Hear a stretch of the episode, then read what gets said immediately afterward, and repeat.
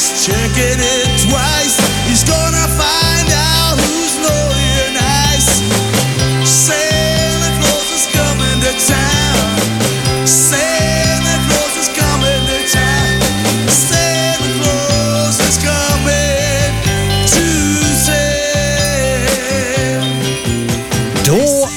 Ønsker vi velkomne til førjulskos her i Radiostryn på denne vesle, vesle, vesle julaften 21. desember. Litt på overtid, rett nok, men når sendinga skal komme etter bingoen, Ove André, da eh, Ja, er det det kan- vanskelig å eh, være helt nøyaktig. Det er mye som kan skje under bingo, skjønner du. Ja, Det Hva det- skjedde i dag? I dag skjedde det så at det var litt, det har vært litt dårlig vær. Ja. Snøen er kommet, og den detter ned på linjene, og så blir det noe lysglimt, og så detter radioene ut, og så må vi til å lese opp igjen taler. Ja, Ja. rett må det Men bli. jeg er, jeg er som regel tålmodig, da, så det, skal, det går som regel bra. Det er veldig bra. Ja. Nå skal vi prøve å senke skuldrene litt. Ja, du har stressa og kava litt nå eh, siste halvtimen, Ja, men eh, vi prøver bra. å la julefreden eh, smyge seg inn. Det er glemt. Ja, ja, ja, Så bra. ja, ja, ja, ja, ja. Så eh, Kjør på. Det, kanskje litt tidlig å spørre deg om eh, om pinnekjøtt eh, lagt i vann allerede. Det ja, Er det meg du spør om? Ja. Eh, eh, nei. Nei. Men det kom i hus. Det kom i hus, det er det viktigste. Er det litt sånn, eh, er det noen sånn ekstraordinære greier? eh, Sauer avla fram på eh, økologisk havregryn og kjærleik, eller er det trauste. Nordfjordsauer? Ja, det er i, i år er det Nordfjord. Ja. I fjor var det Hellesylt. Ja vel. Ja, Ja. Ringdal, er det det heter? Ringdal er vel heller ja. Eller Stranda, er ikke det? da? Nei, hva det- nei, hva heter ikke Ringdal, Odd Martin? Ja, det, Ja, det heter det heter Ringdal. Ja. Lydmann, Odd Martin Mørk. ja, Ja. det er bra. Stødderen Mørk. Veldig, veldig bra. Stødderen. Så vi stiller mannsterke, og mer mannsterke skal vi jo bli etter hvert, for jammen har vi litt eh, gjester. Og de kom nå De kom nå, de sitter og venter. Ja da, på pinebenken. Ja. Sånn er det. Nei, men praten går lett og fint på kantina. De, eh, jeg tror de koser seg der. Og så skal vi slippe til i tur og orden, og øyeblikkelig så er det jo hun Linda Ytri og han Anders Kvile som eh, skal få komme i studio. Dette er jo to lokale musikere som har gitt ut rykende fersk julesang. Ja. Mm.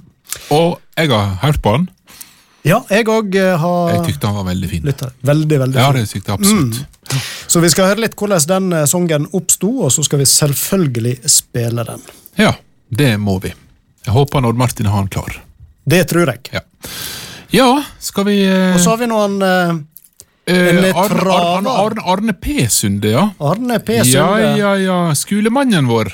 God gammel traver i Radiostryn. Han Han har har ja, Ja, har sittet her i utrolig mange timer. ja. Ja. Ikke minst julesendinga, faktisk. Ja. Han på på selveste julaften. Ja. Til og med da hadde de julesendinga tilbake på 90-tallet. Ja. Så det, Jeg vet ikke om jeg hadde fått lov å sitte her i julaften, da. Hjemmefra. Ja, hvis det Men, var på eh, formiddagen fra 11 til 1, så Ja, det altså For min egen del hadde det vært litt eh, fristende, og det var deilig det, å gå ut av huset og koble av noen timer, men eh, Ja. det er noe litt forskjellig som skal landes hjemme. da, vet du. Strenge fruer, du, da. Nei, det tror ikke jeg. Det har ikke jeg. oh. Hun er så mye ærlig medgjørlig, da. Han har ikke det. Ja, nei, ja, nei, ja, Ja, ja, ja. Nei da, Arne han kommer. Han sitter vel her og venter, faktisk. Jeg Det synes jeg så ham borti korridorene her. Ja. Så det blir spennende. Og så eh, tror jeg kanskje vi skal rydde unna alt det knusleg og godteskålet når Holko og Hauge Ja, det er nå to eh, gromkarer, musikerduo, som har holdt på i ja, mange år. Flere tiår, faktisk. Ja, vi skal ja, tilbake. Tidlig 90-tall, tror jeg. Ja, de og, eh, de har også denne julebordsesongen vært hyppig på tokt, og vi skal høre hvordan det har, det har vært. Og jeg har nå opplevd dem live òg, faktisk. Ja, Så må vi nå satse på vi kan lure ut av dem en liten smakebit eller to. De har iallfall lov å ta med instrumenter. Så har vi vært en tur til Australia. Ja, Marit Almenning. Nei, var ikke det hun heter? jeg har Marit Almenning Ja. ute i Ulvedal. Du kjenner henne litt bedre enn meg. Det gjør jeg. Ja. Jeg er faktisk tremenning med Marit. Se der. Ja. Se der. Så hun eh, kjenner nå jeg litt det, men hun har bodd i Australia i over 25 år nå. Ja. Så det er ikke så mye jeg har sett det henne eh, disse siste, Nei. siste åra. Av og til er vel hun hjemom. Men Ja. nå feirer hun som eh, stort sett ellers jul i Australia, så vi må høre litt hvordan det er. Foreldra bor vel litt på Ulverdal fortsatt, Det gjør de. Ja. Og så Ja. nøyer ikke vi oss med én lokal julesang. Vi har faktisk enda en som er lo ja, lokal, iallfall lokal kvinne som har laga den. Hun bor i Tønsberg, og da tenker jeg på hun eh, Anne Merete Erdal. Ja. Så vi tar oss en prat med hun òg, for hun har gitt ut sangen Var det Juleklem? Det var juleklem. Ja. Ja. Absolutt. Så, på toppen av det hele så har vi vel en konkurranse. Ja, selvfølgelig. Det Ja. hører jo med på ei julesending, og um, der har vi jo eh, pønska ut en uh, julelyd, En julelyd. rett og slett. Ja. Den skal vi spille av eh, bitte litt seinere, og da er det bare for folk å spekulere ut hva det er de hører, og sende melding inn til radioen. Og så er det jo selvfølgelig muligheter for å sende julehelsing. ja. Det kan de gjøre. Tekstmelding, og da kan vi lese den opp. Yes. Da tror jeg vi har sagt det meste som skal skje. Ja. Og så veit en jo aldri helt hva som skjer til slutt, som du veit fra bingosendinga. Men ja. eh, da tror jeg vi spiller litt julemusikk, og så skal vi få første gjestene i studio. Linda Jytri og Anders Kvile. Supert. Christmas without you. I'll be so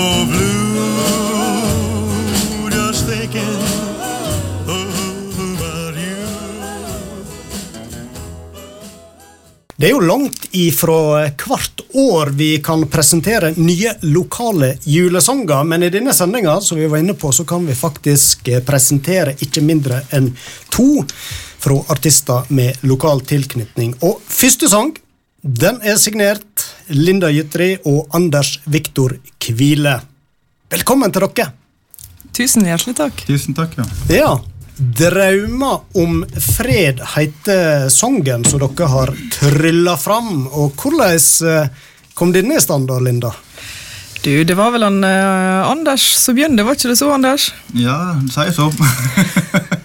Ja, Du begynte på en melodi, rett og slett. ja, jeg var i praksis på Firda videregående skole. For eh, ja, Jeg var seks uker i praksis på Firda, og så var jeg hjemme en gang. Etter praksisen var jeg hjemme og spilte piano før middagen. da. Og Så satt jeg og klimpra, og så kom noen fine toner. Tok opptak. Så ja, sendte jeg det til Linda. da. Skrev det jule, julesang? spørsmålstegn. Ja, for du, du syns sounden var litt sånn juleaktig, da? Det, det var ikke det som var målet nødvendigvis når du begynte å Jeg bare spilte, jeg. Så kom det noe fint musikk, og så bare tenkte jeg ja, dette her kan jo bli noe. Fascinerende. Og du eh, kjøpte den og tenkte ja, dette er julesang. Ja, jeg bare hørte, jeg syntes det var en veldig fin melodi, og så bare hørte jeg den opp igjen opp igjen, opp igjen på kvelden, og så neste morgen så kverna den eh, i hodet når jeg sto opp, så da satte jeg meg ned og begynte på en tekst som kom litt sånn på simsalabim, fort gjort. Ja. Og nå er jo vi mest vant kanskje spel, spelkvinna Linda Jytri og komponist, eh, tekstforfatter òg. Har du vært det før, eller? Ja, jeg driver og skriver litt sånn her eh, dikt og sanger litt sånn i smug, men det, dette er første offentlige, da. Ja. Ute i verden. Ja, det er det. ja. Nei, vi, Både jeg og Ove André vi har jo selvfølgelig tjuvlytta på sanger. Han ligger ute på Spotify, iallfall. Spotify og YouTube. Ja. Og den hadde jo virkelig en julesound, eller hva vi skal si. Så jeg likte den veldig godt. Vi skal jo høre den nå etterpå. Men du ville ikke sende meg MP3-fila, jo, ville du det? Nei, men du sa du kunne bruke Spotify, sa du? Ja, jeg måtte ta den opp. Ja, flott. Ja, Du må sette dere i arbeid. ja, ja. ja, ja. Men, men uh, dette høres jo veldig enkelt ut, da, Anders Viktor. Uh, Når du forteller at du bare setter deg ned, uh, og plutselig så var det en sang. Men etter du hadde sendt til Linda, var det fortsatt litt jobb å gjøre? Var det litt sånn fram og tilbake, og så landa vi det, eller hvordan fungerer det? Eh, Aldri fornøyde, så det blir alltid små variasjoner. og sånne ting da. Men jeg satt nå bare hjemme og leka meg, koste meg, spilte flott musikk og leka med akkorder og harmonikker, og så kom det bare noe. Så det var nå bare Ja. ja. Og teksten den kom like fort som melodien omtrent? da? Ja, det var eh, Førsteutkastet på teksten var sånn en halvtime time på morgenen. Og så eh, var ikke Anders helt fornøyd med alle strofene. så det gikk litt sånn fram og tilbake, og så var det litt sånn eh, tilpassing melodi på noen eh, små punkt, og så landa vi etter hvert. Ja. Ja. Og så har dere gode hjelpere med, har jeg sett. da. Både på instrument og sang. Ja, Malene Haugen på vokal og Ketil Rasmussen på klarinett. Ja. Er det, er det Malene som synger? Ja, det er Malene. Steikere. det. Det var fint. Ja, det er veldig, veldig, Veldig flott. bra. Hvis dere skal trille en terning Det er kanskje feil å gjøre, egentlig, da, men, Vi kan ikke trille terning på vår sang, vet det du. seg selv, nei, ja. men jeg, vi er dere kan jo si om dere Klar sekser. ja, ja, ja, Det, Minst. Yatzy. ja. Men dere er fornøyde? Ellers så har dere vel ikke gitt den ut sånn? Ja. Jeg er fornøyd, men jeg er- begynner å bli lei av den. Å ja! Det er litt morsomt. Altså, jeg, hadde, altså, jeg spilte den hjemme, og så kom tekst, og så plutselig så spil, fikk vi med Malene, og så arrangerte jeg ut hele greia til trekkspill og klarinett, og så var det hu og hei til Førde og spille den inn, og så woho, og så Det er jo kjekt. Jeg, jeg er jo dritfornøyd, det er jo kjempekjekt, og så men så kan man jo spille han av og høre på han, og, og sånne ting, så man, man blir jo litt lei av da. Men det er jo en luksusproblem. da. Ja. Sant? Så det, Man kan tenke, deg, tenke seg kjære store artistene, sånn som Rolling Stones og alle kjære på turné, flere uker turné. Uten sammenligning for øvrig. Nei, nei, nei, men sant, det er, det er som det Du kan spille den ene sangen eller spille det albumet om og om igjen. sant? Det blir jo dritlei. Sant? Ja. Så det Ja. Ja.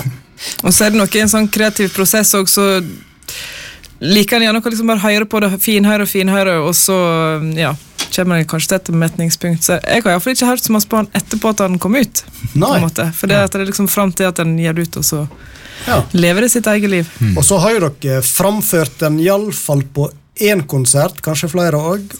Og um, har dere fått noen tilbakemeldinger, da, i tillegg til at han ligger ute da på Spotify og YouTube? Er det noen som Ja.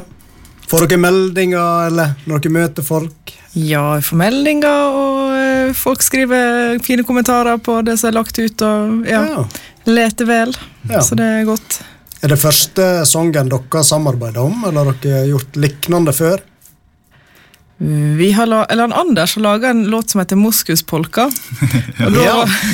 Den tror jeg så jeg har hørt, noe helt annet. Ja. Har du hørt den? ja, den har jeg hørt. Framført under oldedagene, tror jeg. Ja, det, ja. Det, hadde, det hadde vi glemt. Ja. ja, men den var fornøyelig, sånn som jeg husker den. Ja, Det er jo noe helt annet, da. Men det er på en måte ikke, vi har vel ikke noe system i kreativiteten. Nei. Men det er jo kanskje det som er litt kjekt òg.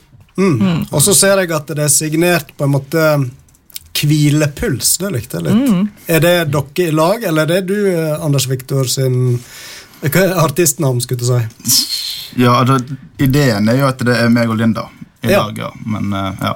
Du er hvile, hun er puls. ja. Ja. Tolk det som du vil. Ja, ja, ja. er det eh, Anders Viktor som er roligst av dere, eller?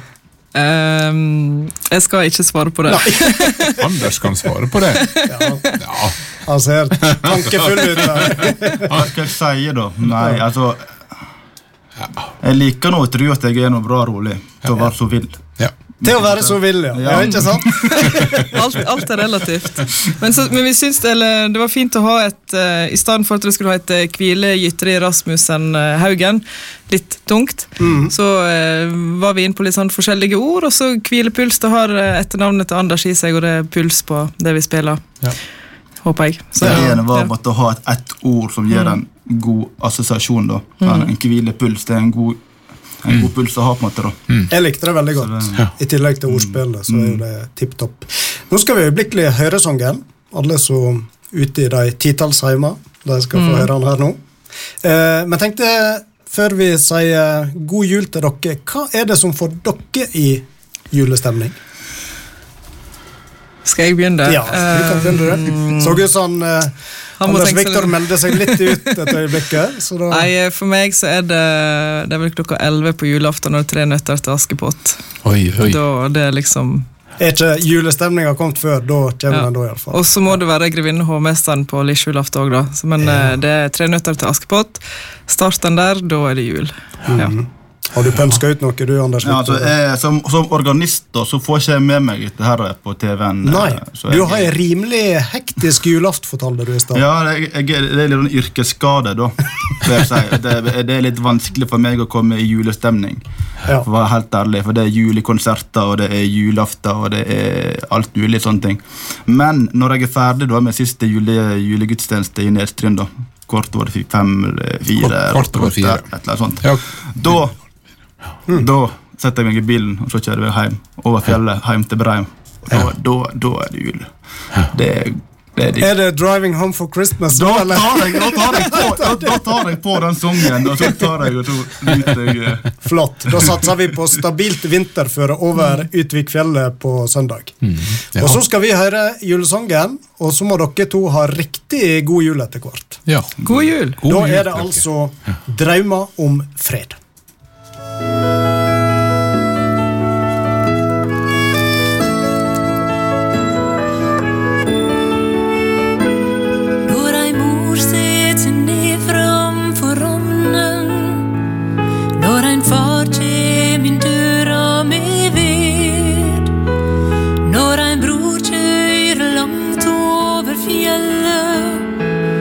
Og selv katten let myser Da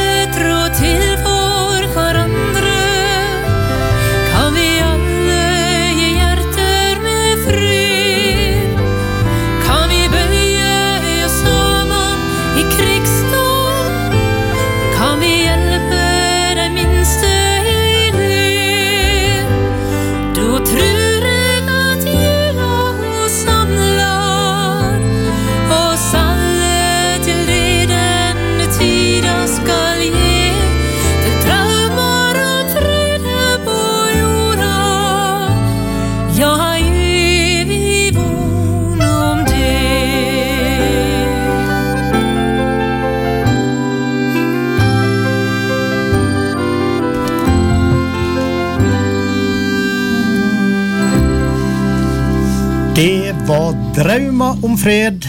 Linda Jytri, Anders Viktor Kvile, som har laga en veldig fin julesang. En som har vært mange timer i radiostudio opp igjennom, og som har avvikla førjulssendinga sånn som vi er i gang med nå, det er neste gjest, han Arne P. Sunde. Ja, han har vært en viktig bidragsyter i eh, Radiostryn opp gjennom åra. Absolutt. Mange timer i radioen, eh, Arne. Velkommen til deg, må vi nå si aller først. da. Ja. Kjekt at du vil eh, innta gjestestolen. Hvordan er det, da? Det er veldig rart, for jeg vet ikke om jeg har vært i Radiostryn uten at jeg har hatt eh, et spesielt ansvar noen gang før. Det, det har vært veldig sjelden. Jeg, jeg begynte faktisk alt i, i Radiostryn og var med på sommersendingene i 1987. Det var da noen uker med sommersendinger som jeg var med på. og siden den tid så var jeg faktisk talt omtrent med et eller annet på de åra som var fram til 2006. Og da ble jeg oppsagt. Ja. Oppsagt! Hva galt hadde du gjort da? Nei, det var, da, skulle, da skulle Fjordingen overta dette her, og jeg hadde en samtale med en som heter Flydal, som da var administrerende direktør i dette systemet, og så sa jeg at kan ikke du skrive en oppseiing til meg, sa jeg. Det er i så fall første jobben jeg har blitt oppsagt ifra, så jeg syns det var greit. Men helt siden 87, ja. Det har blitt eh, mange ulike typer sendinger. Men hvis vi starter med disse julesendingene. Jeg og Ove André snakket litt om det innledningsvis. og Ja. Hvis en går tilbake til 90-tallet, så fortalte du at dere hadde sendinger på selveste julaften. Faktisk alt hadde vi sending på julaften på formiddagen. og Jeg husker spesielt én gang en av de viktigste eh, pådriverne for disse julesendingene var Audun Muri. Han var styreformann i eh, Radiostryn i den tid, og en veldig ivrig bidragsyter ellers òg. Og så lurte han på om ikke vi skulle ha sending på formiddagen på julaften. Eh, Sannsynligvis var det for at både han og jeg skulle komme oss ut av huset og ikke gjøre, ikke gjøre ugagn i, i heimen. Men eh, han kom, eh, jeg skal fortelle om den ene gangen, da kom han med et lass med unger fra skolen inn i Loen som han hadde med seg. Litt foreldre og han Audun som kjører dem, og det var direktesending inn i studio med unger. Og da kan du tro at det var foreldre som var nervøse for de kom til å si disse ungene. En, del av de sto ute på Gonja og, og tenkte skatter du hva min unge kommer til å komme de til å fortelle noe nå som ikke skulle komme på lufta.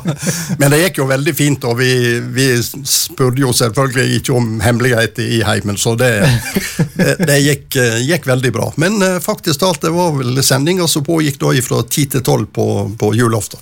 Ja. Så det var, det var noe artig. Og når dere hadde sending på lillejulaften, da eh, kunne det være ganske lange sendinger òg. Det var lange sendinger. Det starta som regel klokka åtte om kvelden, og det var sjelden det var slutt før midnatt. Og det var jo, det var jo sånne sendinger som, eh, som Det var jo basert selvfølgelig på juleting, julemusikk, gjester i studio som snakka om, eh, om jula, juletradisjoner og alle slike ting, da. Og så var det innringing, da. Og vi, selv om eh, Fjordingen var ikke så Fjordingen var jo konkurrent i den tid. Ville ikke engang ta inn annonse for Radiostryn. Oh, ja. Men vi fikk jo inn eh, annonser om at folk kunne ringe inn og eh, melde seg på. Og så ringte vi dem opp igjen da om kvelden og, og snakka med dem. Ja. Og vi hadde telefoner fra Tyskland og Frankrike og England, og til og med fra Canada en gang. Selvfølgelig var det noen som ble tipsa om dette, også, ja. og så ringte vi opp, og det var veldig artig. Snakket om hvordan de hadde det, hvordan de feira jula. og og så hadde vi da selvfølgelig noen som ringte inn og skulle si god jul til naboen. De kunne lest opp glasset og ropt ut, men det var greit å få det gjennom radioen. da det, det var noe kjekt. Og så var det vel av og til en kanskje måtte late som eh, linja braut òg, forsto jeg. Det kunne hende seg hvis det dukka opp noe som ikke hører med i ei julesending, så, så var det greit å ha det på telefon. Da plutselig så mista vi kontakta med dem. Ja. Et godt triks i er- ermet. Det er et godt triks. Ja. Ja.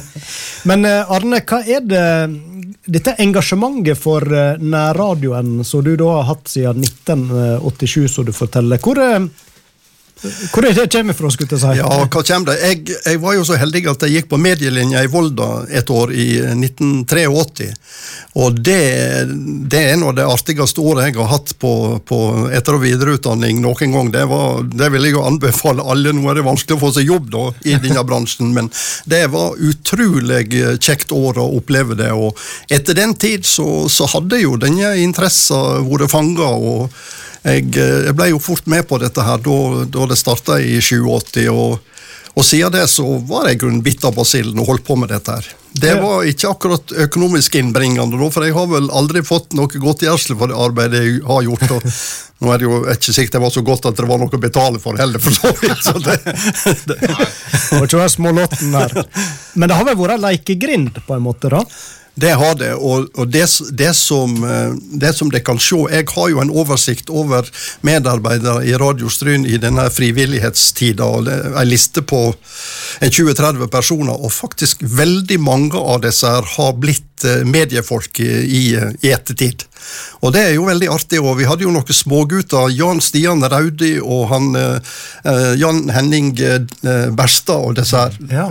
Eh, Kjempegutter. Han, eh, Stian Raude tror ikke var mer enn ni år han begynte som tekniker. og Utrolig hva de har, dette har blitt et springbrett eh, fra deres utdanning og deres arbeid fram i framtida. Jeg har jo selv en sønn som var med på, på dette her, og som har blitt eh, mediemann i, i, voksen alder. Ja, han Frode Sunde. Ja. Ja. Så, så det, det var mange mange som, som faktisk satt gikk videre på dette, enten som journalister i eh, aviser og blad, eller i både NRK og, og andre kanaler, både TV 2 og andre kanaler. Så det faktisk tatt var en god plass å, å, å jobbe på. Ja. Kan du nevne eksempel på andre typer sendinger dere hadde, som du var involvert i? Vi hadde faktisk en god del eh, musikksendinger, og vi hadde jo en musikkonkurranse som gikk over tid, som, eh, som eh, var jo litt basert på ideen eh, rundt eh, kontrapunkt. Eh, Vi spilte jo musikk da, rimelig eh, vanskelig musikk, vanskelig tilgjengelig, og så gjaldt det da å snirkle seg inn på dette og finne ut både komponister og hva melodiene heter og alt dette her. Og, og der hadde vi med en fantastisk medarbeider som eh, kom ut ifra Berset. Alvidar Bergseth. Og han, eh, han hadde utrolig oppkom av musikk sjøl. Veldig interessert i musikk, og et veldig bredt spekter av musikk. Helt ifra yttergrensene til det, det mest eh, ja, det som var mest klassisk, og til det som var klassisk på andre sida. Hardrocken og helt ut i det. da. Så han plukka ut all musikken som vi hadde, og hadde lag da, tremannslag fra alle bygdene i, i Stryn. Og det var veldig seriøst. Kjempeartig å være med på. Ja. Og det var mange som stilte på med lag òg, eller? Ja da, det, det var det, og en del av disse her var jo musikkinteresserte òg, og de, de kunne virkelig noe å, bidra med, så det, det var artig. Og så hadde vi jo da program spørreprogram for skolene i Stryn i sin tid. Alle dette her eh, som nå går på NRK Sogn og Fjordane, eller på NRK, da. Og det òg var jo et fantastisk opplegg som vi, vi hadde i eh, et par år. og enda opp med at det det vinnende laget da, det fikk tur til Oslo og var med på eh, den rikssendinga, og det var, det var storartet. Det var kjempeartig å være med på. Vi hadde finale i, i Kulturhuset med direktesending fra Kulturhuset, og skikkelig, skikkelig moro. Ja. Og, og som sagt, vi hadde disse her guttene som var så fantastisk teknisk. Kobla i hop alle mulige ledninger i, herifra og derifra. Hvis det var en stolpe i nærheten så de kunne koble seg på telefonlinjene, så gjorde de det, og det kom alltid fram. Ja, ja, ja. Yes, og så eh, eh, I tillegg til radio, da, så eh, yrket ditt Dette, var, dette har jo vært en hobby, eh, men yrket ditt det er vel lærer sånn i bunnen, og så har du jo enda litt opp eh, som byråkrat, skal vi si det, i Ja, slutten ja. av karrieren. Ja, siste, siste 25 åra så har jo jeg jobba på skolekontoret da, med, med mer sånn byråkratisk arbeid, men eh, jeg har jo noen år bak meg som lærer. og det, det treffes det veldig godt med, og det var jo i mange tilfeller jeg, jeg angrer på at jeg, jeg slutta med det, at jeg kunne fortsette med det som jeg i grunnen var begynt med, men eh, det var nå et valg som jeg gjorde en gang i tida, så det, det ble på den måten. Og fø- førjulstida var kanskje kjekkest i skoleverket og ikke på kommunekontoret med budsjettinnspurt. Nei, jeg husker første året jeg, eh, jeg var i, i skoleverket. Det var òg i, 1987. Jeg vet ikke om det kom som et utslag av sommerradioen i Radiostryn, men alle rømte fra skolekontoret, ble sjukmeldte eller slutta. Nei. Og, og jeg satt igjen med eneansvar for både budsjett og alt som skulle gjøres fra høsten i 87 og fram til uh, dette skulle vedtakes stå den 27. desember i 1987. Oi, i romjula? I rom, det var det. Det var på Ja, Jebu- vel. Rasmus Guddal. Ja. Men det gikk bra? Dere fikk landa det? Eh, det gikk bra. Det, det, var veldig, det var veldig hard knelte det, for at det var en del politikere som ville redusere betydelig på, på det som var tilskuddene til, til skolesektoren. Da. Det enda jo opp med at eh, vi måtte til å gjennomgå en hel, hel ny plan for, for skoleverket, en sektorplan for skoleverket. og eh, 1988 var vel et av de tøffeste første året jeg jobba der. Da var Arne Berge begynte å jobbe som skolesjef. Og vi har vel eh, aldri noen av oss fått så mye kjeft som vi fikk det året der, for vi måtte jo legge ned skolen, vet du. Ja. Så det, vi for rundt omkring da på, på, i, på bygdene rundt omkring og misjonerte for nedlegging av skoler. Det er ikke, det er ikke bare bare. Jeg husker det veldig godt, Arne, for jeg gikk på en av skolene som var truga med nedlegging på Ja. fjellet. Vi spilte faktisk inn sang.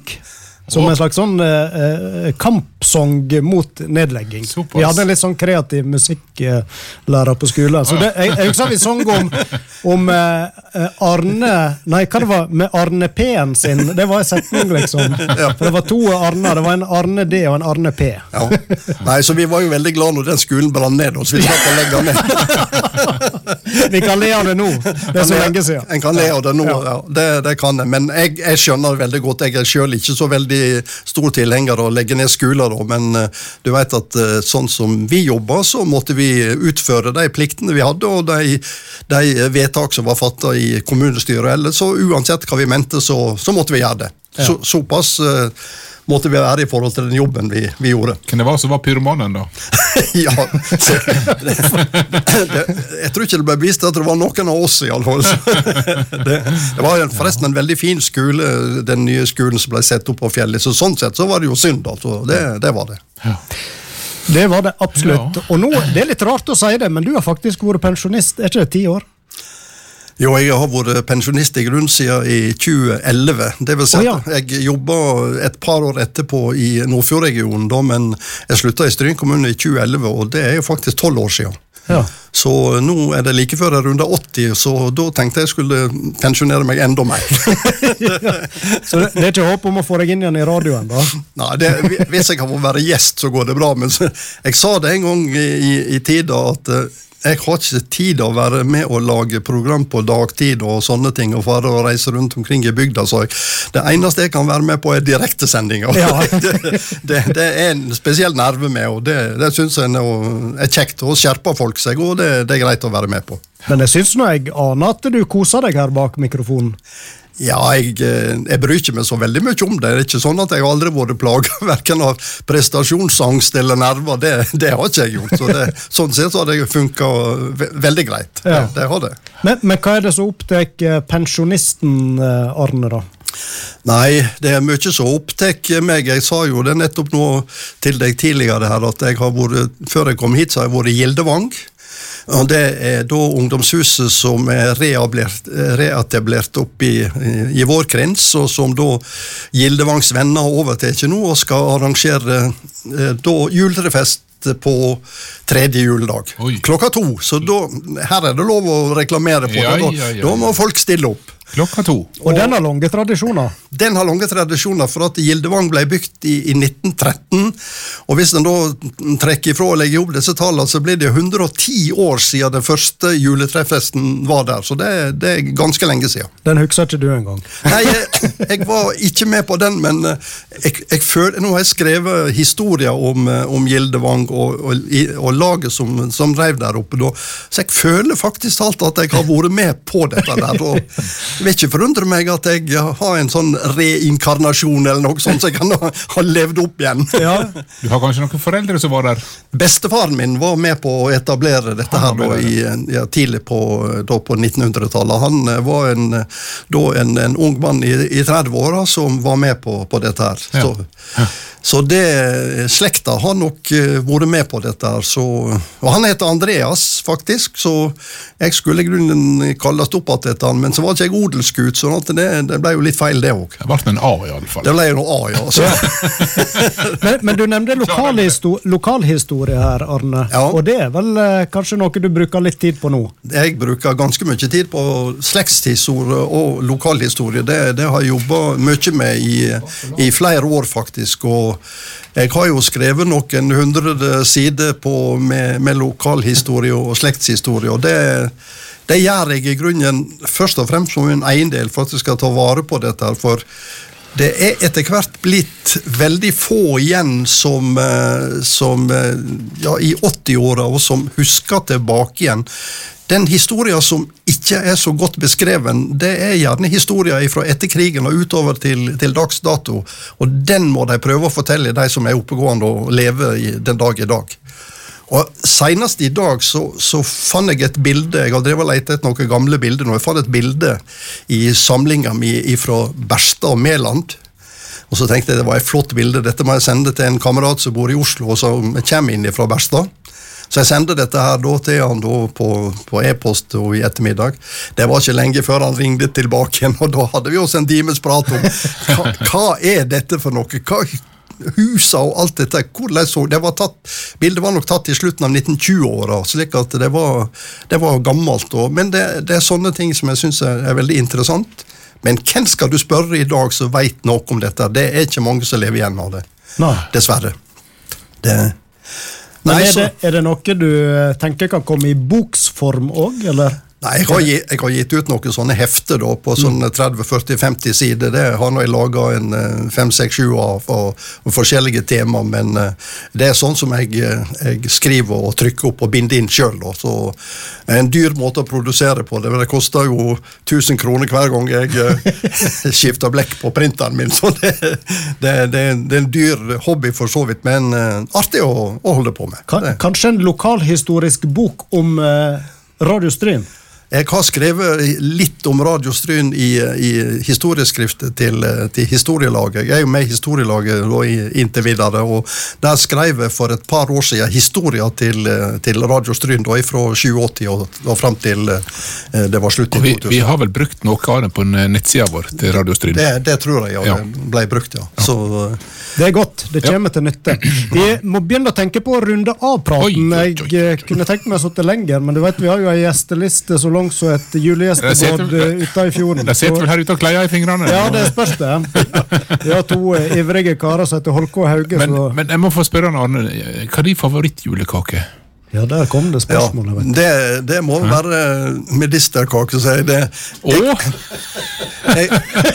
medisterkake! Hvis, hvis du spør mine, mine barnebarn eh, hva han best liker av, av kake, så vil du helt sikkert få svar av begge to kjøttkake. Ja vel, akkurat. For jeg åt mine siste bløtkake og sjokoladekake i mm, eh, våren i 1962, og siden det har ikke jeg spist sånne kaker. Så det, Hva skjedde da? Tålte ikke du det? jeg ble sjuk eh, etterpå, og, og så kobla jeg jo selvfølgelig dette til kakene, da, selv om jeg sannsynligvis fikk en, en omgangssyke. Og, oh, ja. eh, og så har jeg liksom ikke tatt det helt opp igjen. Men julekake, da? Er ikke noe så frister? Nei, ikke spesielt. Jeg er veldig glad i julemat, og jeg driver jo mye med det sjøl. Jeg lager røykelaks, og, og, og jeg lager gravlaks, og oi. alt det, rullepølser har vi laga, og Oh. sånne ting. Så jeg veldig glad i julemat. Og det er Og jeg sier at er det en av de fem sansene våre som appellerer til jula, så er det da luktesansen. Når det lukter pinnekjøtt i huset, Ja. da er det jul. Ja, Ja. det var julen. Og ble sett på tidlig, da, kanskje. Sett på, jeg står i to dager.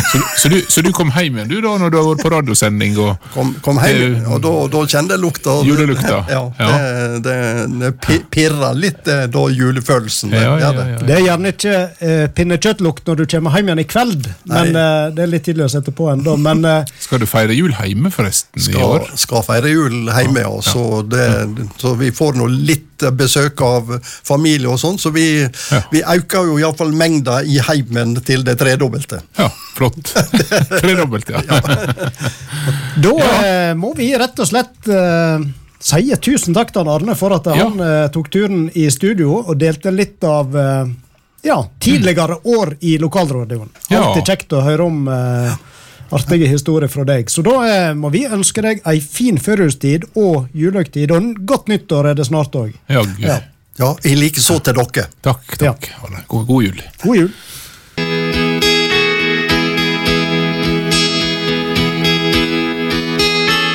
Jeg går gjennom byen, ser på ansikt på kropp. La livet gli forbi.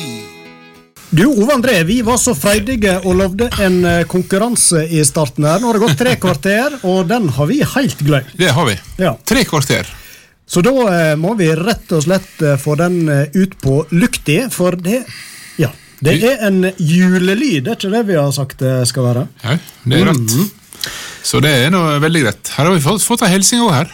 Ja, men Ta- Da kan vi nå ta den kjapt først, og så det? julelyd etterpå. Vil sende ei hilsing til Linda Gytri og ønske ei riktig god jul. Gleder oss til ny campingsesong på Gryta. Anni og Henrik. Kjempemessig. Ja. Da Er det, er det flere som har hilsener, så må de bare sende inn til 99 59 57 79. 99 59 57 79. Veldig bra. Da spisser vi øra, og så hører vi på julelyd.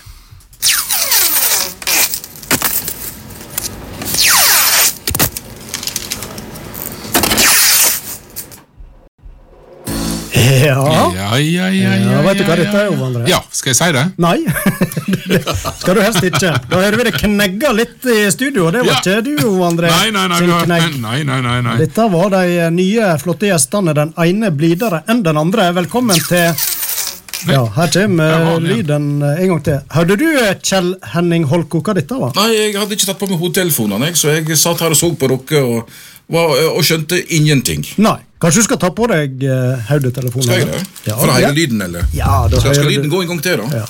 Og så har vi nå en eh, Hauger òg. Nils Petter Hauge, velkommen. Tusen takk for det, Rajaran og alle gode gutter i studio. Ja. Kjekt å se dere. Takk Veldig kjekt. Her er det lyder i alle retninger nå. Det ringer, kimer i telefonen. Og, eh, men eh, du hørte julelyden. Har du et tips? Det jeg tenkte nå først og fremst nå Jeg så for meg Holkjær når han eh, kommer ut av dusjen eh, eh, med trange skapdør. Ja, det et eller annet der. Et syns jeg helst glemmer jeg så fort som mulig. Ja, ja, ja, ja, ja. Nei, det var vanskelig. Det var veldig vanskelig, faktisk. Ja. Vi får se om det er noen som klarer å spekulere seg fram til det. Så får vi nå gi litt hint etter hvert, men vi begynner nå ikke med dem ennå. Hvis, hvis jeg nå har tatt på meg hodetelefonen, må jeg få svart meg få høre lyden en gang en gang, da. Odd Martin Mørk. Der, ja. Låvedør. Ja, jeg jeg, Jeg, jeg veit hva det er, men jeg vil ikke si det. Nei, hvis du veit det, så må du si det. Nei. Men det innebærer pil og bue. Ja, Det er mye kjeltringvakter her nå. vi er i gang. Holko og Hauge, det er vel eh, Er ikke det litt sånn eh, god stemning-garanti, det? Ja, altså eh, Vi er vi gode Vi har det Han nå vil du ha meg nærmere, men det Nei, jeg, jeg vet, Martin får styre lyden når man er høy nok. det- eh, Han er vel, det er alltid god stemning med oss. Jeg, jeg kan ikke huske Vi har hatt noen sånne sure dager. Nei, det er jeg enig med. Altså, Sett fra vår side. og jeg kan hende at noen andre syns vi har vært sure, men Mm, nei, jeg er enig det. det er klart, Nå snakker dere med Norges eldste boyband, og, og det er klart, opp gjennom tidene så har det vært mye eh, løye, rett og slett. Eh, det starta med bestemødrene, og så var det mødrene, og nå er det døtrene. Eh, så vi har liksom fulgt tre generasjoner med Og ikke bare, det var selvfølgelig òg sønnene og fedrene. Og, så vi har egentlig spilt nå for eh, tre generasjoner. Eh, Ja, ja, det er publikum du mener. Ja, jeg Dere starta. Ja, starta med bestemødrene. Det, Ja, det, da- de hadde, det var en forløper til ja. Hauge. ja, nå, Nei, sånn, ja! ja, nå, nå var jeg faktisk litt i tvil om du eh, om Ja, men, nei, det starta med sånn ja, sånn. Nei, jeg, jeg sa at det starta liksom så, for så lenge siden at det var liksom eh, Ja, alle skal med. Alle skal med, ja. Det er tre generasjoner med publikum som vi har hatt en løyela med. Det var egentlig et svar på det. Ja. Ja. Men når vi er inne på det, hvordan, hvordan begyn- begyntes det? Skal jeg ta den, Nils? eller? Det kan du ta, Ja. Kjell. Nei, altså, Dette her er så langt tilbake i tid at dette var Det var biler. Det var biler, ja. Og, og det var hester òg. Ja, ja, ja. Nei da, jeg var akkurat kommet igjen fra Oslo. Vi er litt usikre på om det var, house, nei, om det var sommeren i 90 eller sommeren 91, men jeg var i hvert fall akkurat kommet igjen fra Oslo og vært der nede noen år og slabba og drukket og spilt litt. Og så hadde han Trond Isehaug og han Jens Arne hadde fått tak i en irsk trubadur.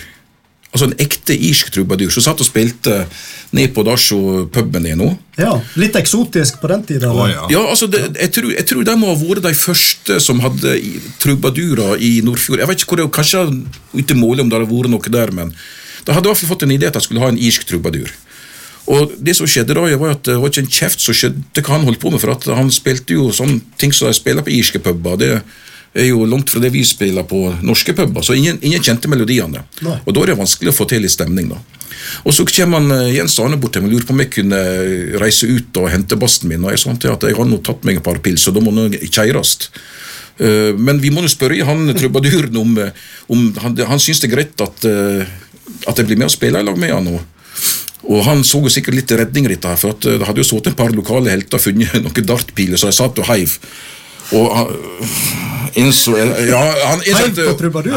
Jo, han heiv dartpiler, så sto, sto faktisk i kassegitaren. Ole Janne! og da måtte jeg bort og så eh, roe ned han karen. Og så var jeg fremme og spo- snak- han om det var greit at jeg var med og spilte litt bass. Og Vi ble enige om at jeg skulle spille bass på de låtene jeg kunne, og skulle drikke øl på de andre låtene jeg ikke kunne. For å si det sånn, det ble mer øldrikking enn det ble basspilling. Eh, nå så tok han en pause, da. Og da kommer han eh, Haugen i bua, vet du, springende i fullt fire, eh, 'Jeg vil spille, jeg vil spille', sier han. Og så spør, spør han ja, spiller du noe? Og ja, han spilte kassegitar og sang. og og så jeg tenkte jeg at ja, ja, la nå fyren få lov til å spille litt her. Og første låten vi spilte i dag, det var en uh, låt som heter 'Jeg gikk meg opp på fjellet'. Og dette er såpass lenge siden at det var i de tider han, han eh, Kjørstad. Kjørstein var lensmann i Stryn, så da måtte vi selvfølgelig døype om at det var ikke lensmann Hansen som sto på filmen, det var lensmann Kjørstad. Så første låten Nils og jeg spilte i lag, det var 'Jeg gikk meg opp på fjellet'. Vi spilte vel ett vers og ett refreng, og da hadde vi snutt uh, dødsbudskapet på Stryn pub om til uh, 'Ja, jeg har vunnet toppremien i Lotto'. Altså, helt utrolig at det kunne snu sånn. Ja, og, og, og vi spilte vel en to-tre låt, for han, Nils Petter han var litt sånn i visesjangeren de tid, for han, han var jo sånn skikkelig eh, Han var jo sånn skikkelig sjarmør, da, satt rundt leirbålet. Ja. Han var, han var en skikkelig sjarmør, satt rundt leirbålet og spilte eh, blodet av fingrene sine, vet for at han hadde jo ikke gitar. Så dette sliter vi litt med den dag i dag, at eh, han, eh, han sliter litt strengere, for han har et hardt anslag. Men vi spilte vel tre-fire låter, tror jeg, så da jeg hekta meg på, og han sang og spilte. Og så kom vel han eh, Trond Isehaug bort til oss da, og lurte på om vi ikke kunne spille neste helg. Og da sa vi vel det at nei, vi må vel ha en 14 dag, så vi får øve inn noen låter. Så vi hadde vel øvd inn vi hadde en 15-16 låter. Og eh, i og med at jeg akkurat kom til Oslo, så hadde ikke så mye teknisk utstyr som jeg har i dag. Så jeg husker vi snakket med han Anders Ole Sørensen, hei forresten. Og han kom med lydanlegg, og vi hadde gjort en avtale at vi skulle få gratis biff og gratis drikke hele kvelden, eh, mot at vi da spilte. Så eneste som fikk penger, det var han Sørensen. Og vi spilte, og det var kjempegreier, men vi hadde bare en 15-16 år, så vi spilte det jo tre ganger opp. Eller i løpet av kvelden så ble det spilt tre ganger. Og, Ja, ikke, ikke noen som husker noe likevel? Nei, det er så vidt vi husker det sjøl. Ja, ja, ja. Dere, dere åt og drakk. Åt og drakk, ja. Og, og dette ble noe kjempesuksess. Og han Trond lurte på det. Kan ikke dere spille neste helg òg? Og så sa vi nei, vi må ha litt mer enn så vi sa vi kan spille om 14 dager. Og, og så hadde vi øvd inn da en 15-16 låter til, og så var det snakk om litt med penger. og så Trond Isak han var kjent for å stamme litt. Og så, men Nå skal ikke jeg stamme. Jeg, men, altså, men det som han sa, at du, i stedet for at dere drikker gratis, kan, kan ikke jeg da gjøre slik at dere får eh, en biffmiddag med fritt drikke til middagen og 1500 kroner per mann og betjeningspris på alkoholen. Og tenkte vi at det var noe jævla bra deal. Så det, kan, det må nå si litt om hvor mye vi kanskje slabba i oss denne første heller. Men, eh, men altså, altså at Holko Hauge eksisterer nå i, i dag, altså det, var, det, var en, s- det var egentlig takka være en irsk trubadur og en tilfeldighet. Går du, går du god for historien, Nils Petter? Ja, han Trond, det var, det, var, det var sånn det var, og det var utrolig tilfeldig. Sånn som det er i livet. Eh, Så, eh, og vi hadde aldri Eneste gang jeg hadde møtt han Kjell Han var nå en stor bamse og sinte bamse på den tid òg, både på og utenfor fotballbanen. Ja, men jeg, var, jeg, var, jeg, var en, jeg, jeg sprang fort, sånn som du gjør. Ja, ja, ja. Men poenget var at eh, jeg, da jeg var kanskje ti år Det var første møte jeg hadde med Kjell, for da var han ganske, han var ganske stor og sterk allerede da. Og da, en eller annen grunn jeg gikk forbi han, så, så bare, skulle bare bort til han sånn at han datt uti. Og en tiåring skubba ikke han Kjell Holkå ut i svømmebassenget uten, uten å få igjen. Så jeg tror vi sprang 19 runder rundt svømmebassenget. Helt til jeg gjorde den store tabla at jeg sprang opp på tremeteren. og så ser jeg bare Hulk komme oppover. Du var ikke stor, men du var sterk. Ja. Ja, sprang atti, og jeg kom meg unna. Men jeg fikk hevnen kanskje tre uker på når vi spilte fotball opp på eh, gressbanen på Tonne skole. For der var det en stor eh, sånn eh, hekk med, med relativt heftige stikk i stikkbusker. Da fikk, greip han Kjell tak i meg, og så slepte han meg ned midt i denne hekken. Så jeg fikk gjort opp. Men ellers er det historie helt rett. Det var et fleste supplement som kom Ja, på nå. nei, Dette har jeg faktisk fortrengt, men uh, kommer jeg fra hauge, så er det helt sikkert riktig. Men poenget er at det, ja, det, det er riktig, og vi er etter, det er jo helt utrolig. For at vi, jeg spilte ikke, og jeg, jeg er ikke musiker i det hele tatt, men, eh, men dette har vi hatt mye løye med, og det starta så tilfeldig, det er helt sikkert. Jeg spiller rundt bålet ennå, egentlig. Ja.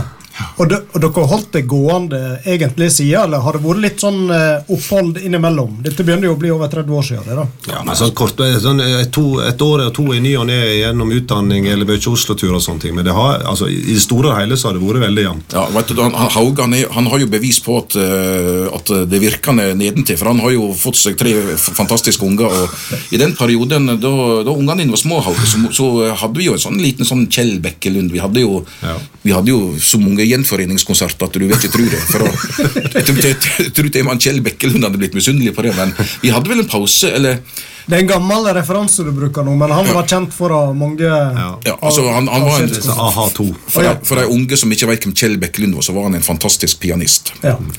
Men, eh, men eh, selvfølgelig, du vet, når han er småbarnsfar, så er det tøft. det, og Du jobber i Oslo, ikke sant? og du skal kjøre 50 mil hver vei, og så skal du da være med en eh, ubrukelig kar ute i helgene og eh, lempe utstyr og drikke brunt vann og prøve å komme hjem og være familiemann. og Det skjønner jeg godt at det kunne ikke være så enkelt alltid. så...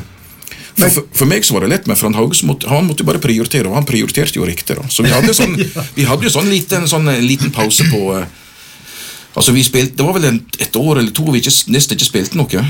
Vi tok vel bare på oss jobber som var så godt betalt at ikke Hauge kunne si nei.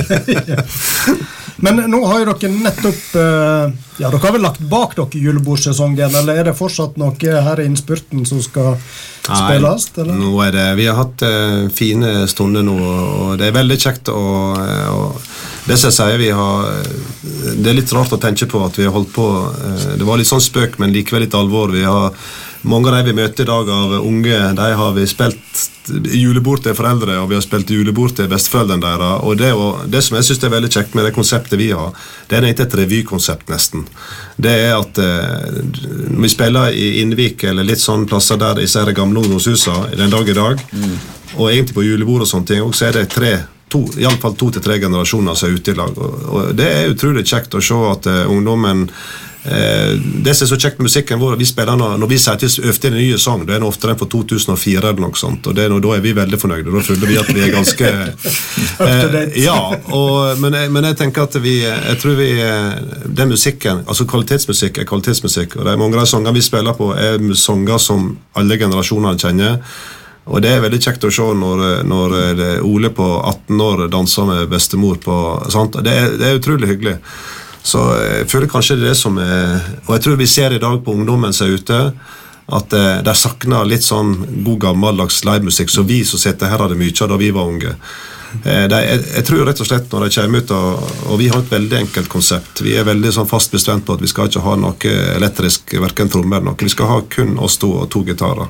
Og det er et krevende konsept, men det er utrolig kjekt. Eh, og jeg tror mange unge i dag, når de hører det, à la det vi holder på med, så, så blir det litt sånn eh, jeg tror de har veldig godt av det. Det er litt, De savner litt, for de står bare inn på pubene og hører på dunk, dunk, dunk i fire timer. Og all ære til de som holder på med det, altså. Men jeg tror denne her eh, gode, gamle eh, bandprofilen som vi har, og andre, noen andre også, selvfølgelig. Men det er ikke mange som holder på sånn som vi lenger. Nei, vi kan, vi kan skjønne, Du nevnte dette med, med julebord. Vi hadde jo, vi hadde jo tre julebordhelger oppe på Hydlaparken. Ovar, du var nå oppe ene helga. Du, du fikk nå så hatten passet, holdt på å Ja, si. ja, ja. Men altså, det, det, var jo, det var jo da selvfølgelig bare sånne gode kommentarer, da, vet du. Syns nå vi, da. Men, eh, men altså, dette her, også ha den kommunikasjonen med publikum. Ta publikummet sitt på alvor og faktisk skjønner at det er ikke om å gjøre å spille en G-Mai 7-9, eller hva det måtte hete. Terje Raudiel, ring inn og gi beskjed hva disse akkordene heter. Men altså, altså det å ta publikummet sitt på alvor og, og eh, faktisk holdt på å si, nesten komme seg ned på det nivået som en del andre folk er på. For at eh, den dagen du tror at det ikke å spille den fineste bassoloen eller fineste bassgangen eller fineste gitarsoloen, og glemmer at det er de der ute Nå peker jeg ut i salen, men altså de der ute du faktisk er å spille for.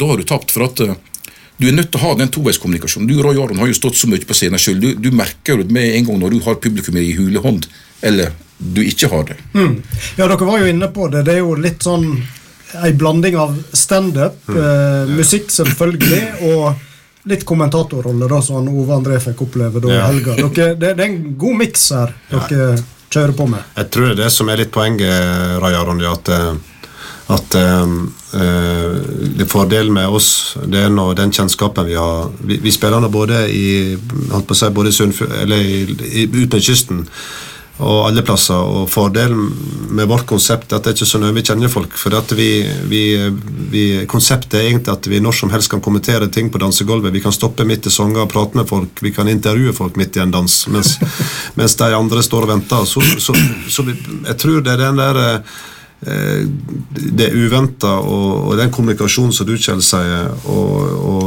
og Vi er ikke ute og spiller for folk, vi er ute og spiller i lag med folk. Vi er i lag med folk, vi har det fint i lag med folk. Det er det som er konseptet vårt. Vi skal prate mer med dere. Dere blir med videre utover i sendinga, men vi må nå vi får vel en liten smakebit. Du, Kjell Henning, ser nå rimelig klar ut med Ja. bassen på maien her. Ja, ja, jeg tenkte at jeg har så stor julekule nå, så må jeg prøve å gjemme hva, hva er bak dette vinduet. Her det Ja, det er det andre konkurransen òg. Og Nei, nei, men eh, jeg, jeg syns at vi skulle ha gitt eh, deg en liten, en liten smakebit på den første låta Nils jeg spilte lag med før. Ja. I sikkert 30 år Jeg gikk meg opp og Jeg gikk meg opp husker ikke årstallet? Nei, altså, det, Enten så var det sommeren 90 eller sommeren 91. Det, der, Vi er litt usikre. Jeg, jeg husker ikke når jeg altså, jeg, jeg mener jeg kom igjen fra Oslo i ja, 90. jeg tror jo 90 eller 91. det kan som- jo være neste konkurranse, Ja. så kan vi finne ut hvis, hvis, eh, hvis det er noen som har, har, har billedbevis på når jeg var i Men jeg, jeg, jeg vet at jeg begynner i hvert fall ut på den bussfabrikken i Stryn. For jeg, jeg sluttet jo å spille profesjonelt i Oslo, og så, og så begynte jeg å spille med Fernando. Så, um, vi, Men, vi kan eh, ta den under musikken, kanskje. Eh, Drodlinga på Drodlinga, tid. hva tid det var. Ja. Eller ikke når dere spiller. Altså, da. skal vi spille, eller skal Har du gitar òg, eller? Nils Petter? Ja, jeg, jeg skal spille nå. Ja, ja, ja. En liten her. snutt nå. Gjør ikke her.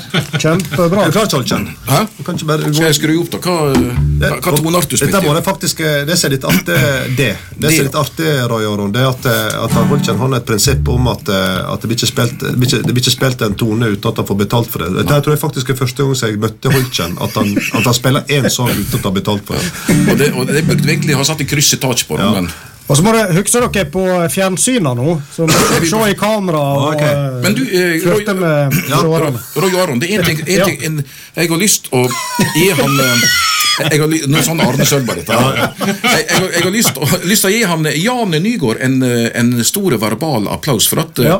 han var faktisk så eh, grei at han stilte opp med en sånn liten komboforsterker så jeg kobla bassgitaren min inn i. Han, har- han, han har til og med kjørt den ned her, og jeg sender en melding til ham. På Holtja. På Holtja. På Holtja. På Holtja. Og han skulle, han, og han, og han skulle også hente sjøl. Så jeg, jeg tok og kjøpte fire flakslodd. jeg. Så, jeg- så jeg kommer til å så, så- Millionflaks. Så kan hende han vinner fire, fire millioner. Dette er, dette er rørende historie. Jeg tror vi må, jeg tror vi må begynne nå. rett og Må vi slett. nå? Ja. Jeg gikk meg opp på fjellet, men så kom jeg ikke lenger. For der satt en spann Kjørstad, og han tente sine penger. Han så ikke meg, så jeg sneik meg fram så stille. Så tok jeg fram pistolen og sa Penger eller livet med sharing damadoo-damada. Klapp, klapp, klapp, klapp. Whack for my daddy-o. Whack for my daddy-o. There's whiskey in the jar. Nå får vi skikkelig klapping i studio. Klapp med dere. Full av lodgen. Ja. Lai, lai, lai, lai,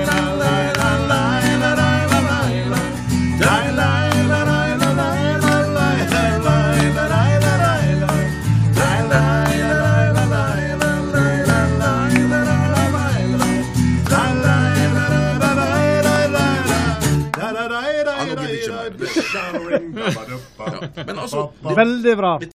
dette her var jo, dette var jo det, dette her er det hele starta med. Ja. Og du kan tenke sånn, Når vi kom til første refrenget Og vi måtte jo ha litt sånn voksenopp, voksenopplæring om at eh, folk skulle lære seg å klappe fire ganger. da. For det, det tok jo litt tid å lære stryningene, og at de skal klappe på rette plassen. Ikke for tidlig og ikke for seint. Så, så, men eh, du kan si Det var litt litt tungneme-stryningene på tidlig 90-tall. De, de de var jævla Forsto ikke irsk og de, Ja, hvem det var- hvem det var også var verst? Hvem som var verst? Ja. Nei, Kan du nevne navnet? Nei ja, for, for, for, for, å- for, Skal vi ha si- litt mer musikk. Du husker sikkert noen, Kjell. for, å si det sånn hvis, hvis du var dårlig på dansegulvet, så var du dårlig på klapping òg. Ja, ja, ja. ja, ja. Men jeg husker ikke akkurat noen som var verst. Jeg vet, det Det var mange som var verst. Men jeg tror vi, jeg tror vi, lar, vi, vi lar den ligge. Nå skal, vi, nå skal vi prøve å uh, finne ut uh, nøyaktig årstall, så da må vi spille litt uh, musikk med andre artister. Og så kommer vi tilbake med mer prat etter hvert. år. Lyden, og det er lyden, lyden først, ja. Og så må dere, hvis dere vet hva slags lyd det er, så er det da å sende inn en SMS til 99 59 57 79.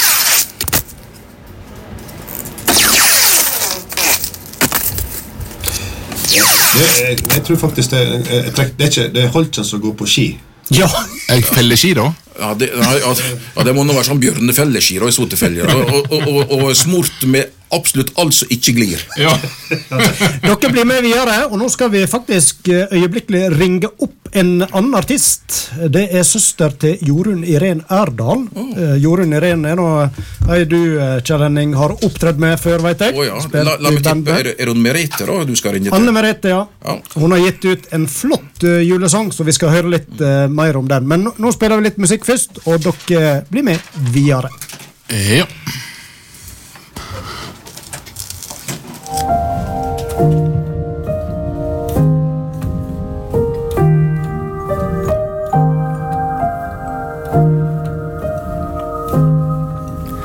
Careful what you say.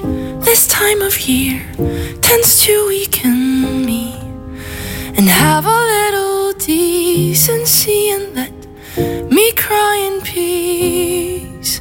But there's a place where I erase the challenges I've been through. Where I know every corner, every street, name all by heart. And so it is a part of my courageous plan to leave. With a broken heart tucked away under my sleeve. I wanna go home for Christmas. Let me go home this year. I wanna go home for Christmas. Let me go home this year.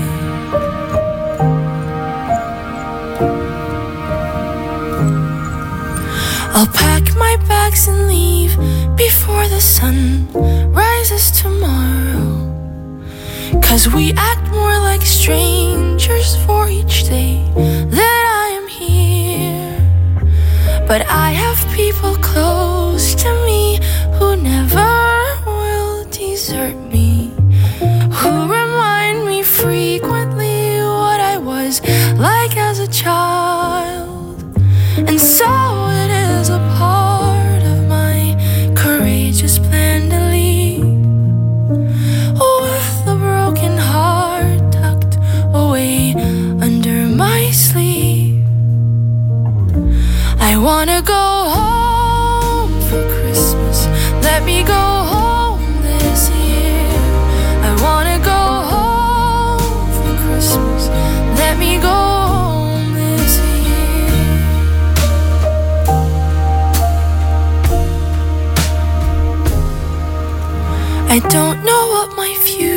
future holds or who I'll choose to love me.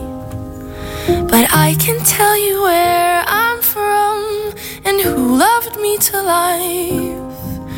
And so it is a part of my courageous plan to leave. With a broken heart tucked away under my sleeve. I wanna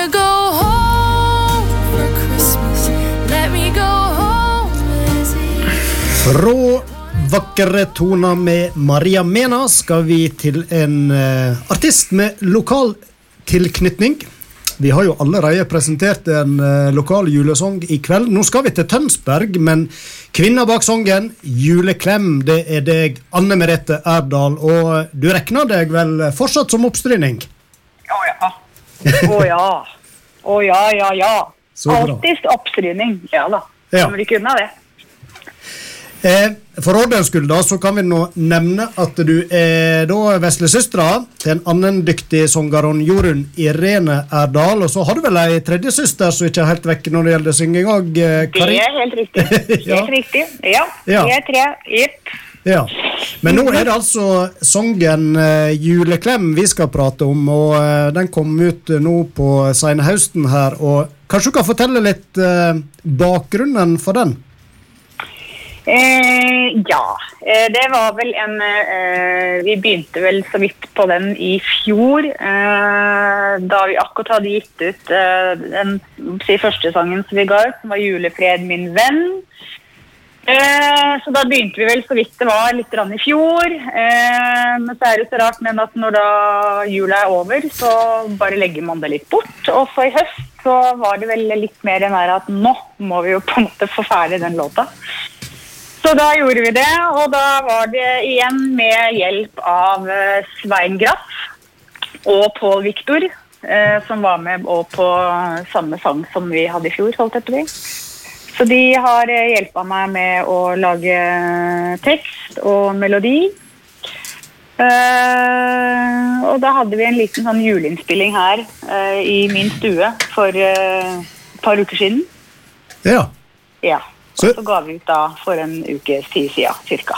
Så du var rett og slett i litt sånn julemodus du da, etter den eh, første julesongen som kom i fjor? Ja. Mm. Alltid julemodus. Alltid julemodus. Så bra. Ja, hva er vel ikke bedre enn det. Og så har jo dere eh, utvikla eh, repertoaret litt da, med å dra inn barnekor òg, hørte jeg. Ja. Nå fikk vi jo vi så heldige å få med oss et eh, barnekor fra Larvik. Eh, som er med oss på låta. Og så må jeg jo da selvfølgelig òg si at eh, min lille frøken på syv år, min datter, er jo også med. Eh, og der har vi en liten duett sammen eh, på en liten sånn mellomvers inni låta der. Oi! Så det er jo litt ekstra stolt av, det må jeg jo si. ja, det er lov. Så en Ja. ny Erdal på gang. En ny Erdal på gang. Ja. Mm. Yes. Spennende. Ja, Har dere gjort ting i lag før, kanskje? Om ikke på Nei, vet plate, du hva, det har vi ikke altså, Nei, altså, vi synger jo og si hjemme, men uh, ikke noe Vi har ikke opptredd noe sammen. Hun er jo tross alt bare Ja, hun ble syv nå, i går. Ja. Så vi har ikke gjort så veldig mye sammen ennå. Men jeg har jo et lite håp da om at vi skal få til en liten sånn eh, juleturné neste år. Og da har jeg jo et håp om at hun skal være med. Hvis du får fri fra skolen. Ja. ja, det var det. ja. Men eh, nå har jo denne låta ligget ute på i alle fall eh, Spotify en stund. og eh, Har du fått litt tilbakemeldinger?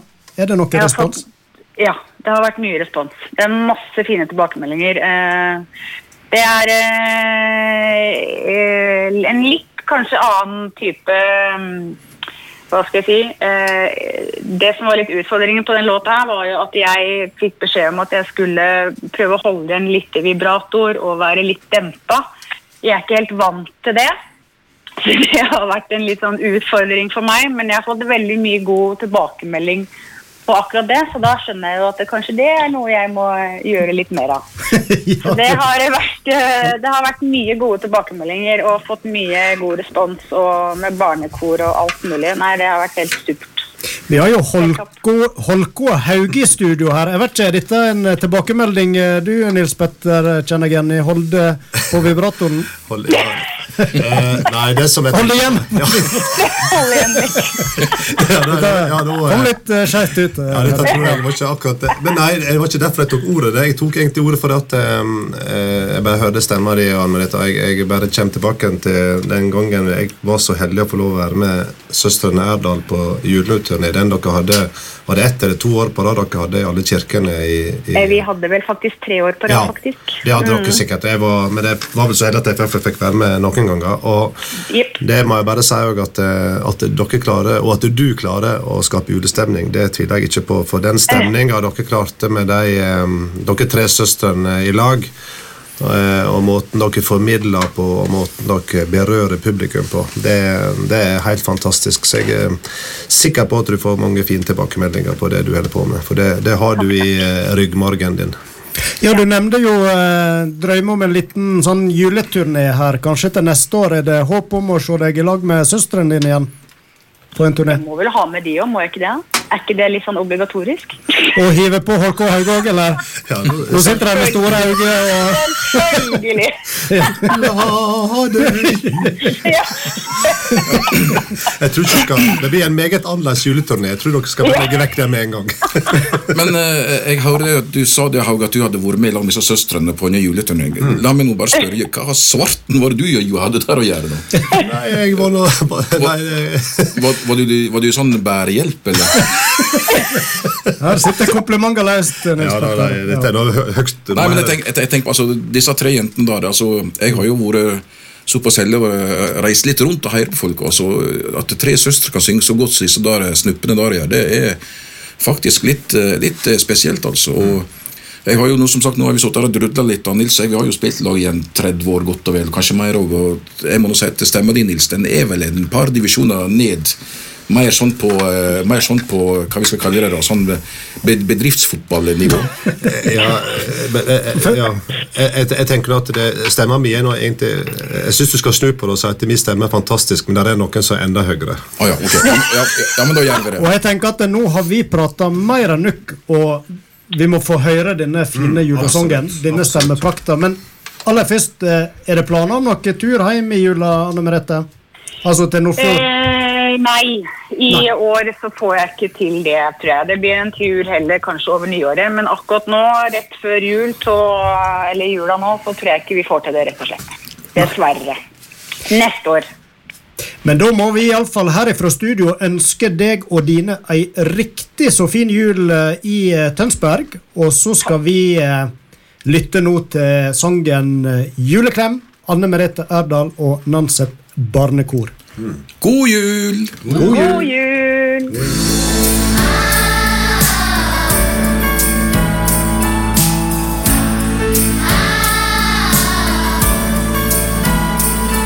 Mye har vært helt greit, mye har vært litt leit. Ikke tid til å sitte og tenke.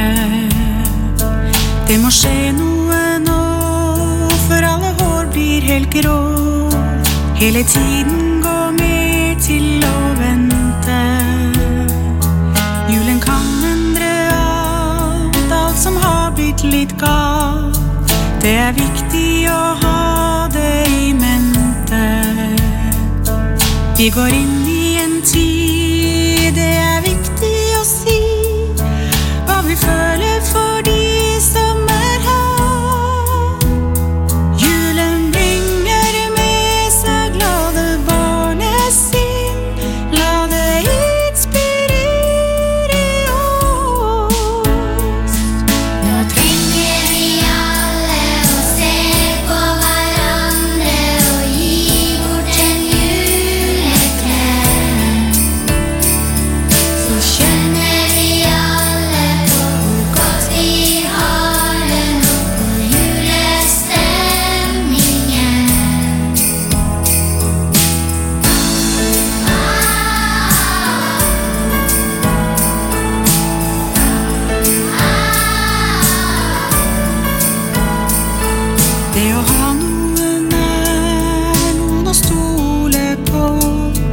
trenger alle å ha gode venner. Ikke alltid så lett å vite hvem som er venn. Er ikke alt det man tror som stemmer. Prøv å alltid være snill, ikke gjøre deg til. Fortell selv at du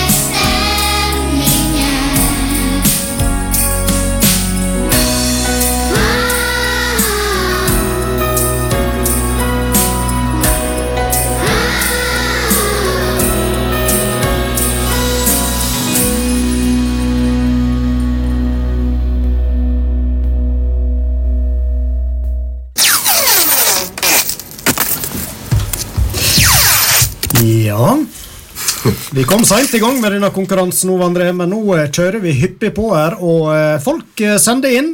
Og jammen tror jeg her er en del som klarer å gisse seg fram til hva dette er slags lyd.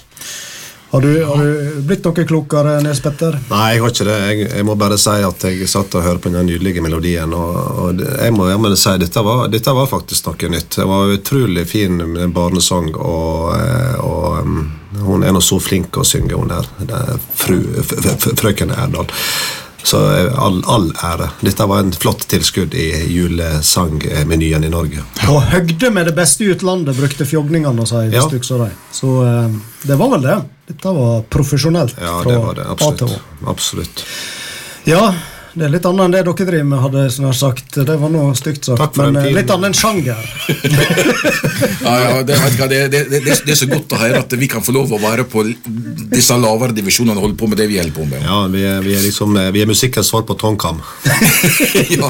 Kan jeg bare få en kort eh, Ja. Det er noen som lurer på hvor jeg skal sende svaret hen.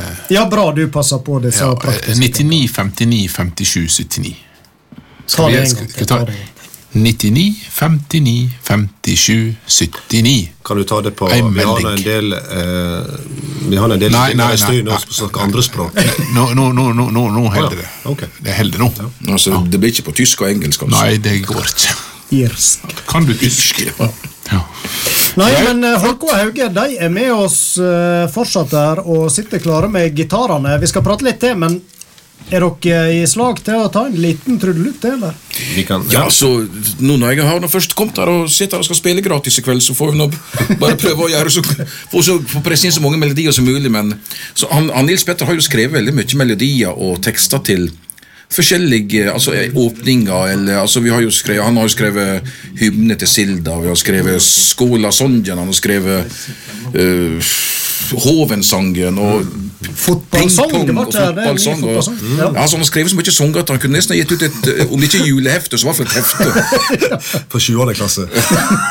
Neida, så, eh, så du kan si at eh, Nils har jo skrevet teksten og melodien, og så har vi i lag da kanskje flytta på noen ord, og hvis det har vært litt sånn rytmeting, eller vi har eh, gjort noen sånne små akkorder. Men altså 99,7 er, er Nils Petter står bak, for det siste 0,3 er jeg som dessverre har datt innom og ødelagt. Men, eh, men samarbeid er jo samarbeid. Ja, ja, ja.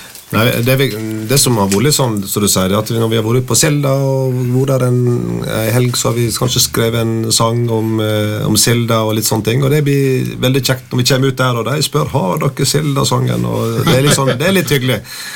Og det, Vi bare tok med noe bare som et lite eksempel på hva vi spiller. og Vi syns det er litt kjekt nå når, eh, når folk kommer og vi har oss igjen. og så Kanskje jeg skal ta på meg briller så jeg ser tekst. for her- den her er så lenge siden vi har spilt Ja, at uh, vi, skulle, vi hadde egentlig planlagt å ha en liten øving tidligere, men den gikk jo vekk med å prate med både Arne P. Sunde og alle disse andre gjest, gjest, Linda og Ja, Anders. Kvile. Og, Nei, Det er viktig å kose seg òg. Ja, ja. Ja, Det som er poenget med den sangen her, det er egentlig bare at vi Dette her var, skrev vi rett før eh, Hoven eh, åpna, og i den tida der eh, dette her skulle åpnes, eller startes opp, så var det veldig mange som tvilte på prosjektet.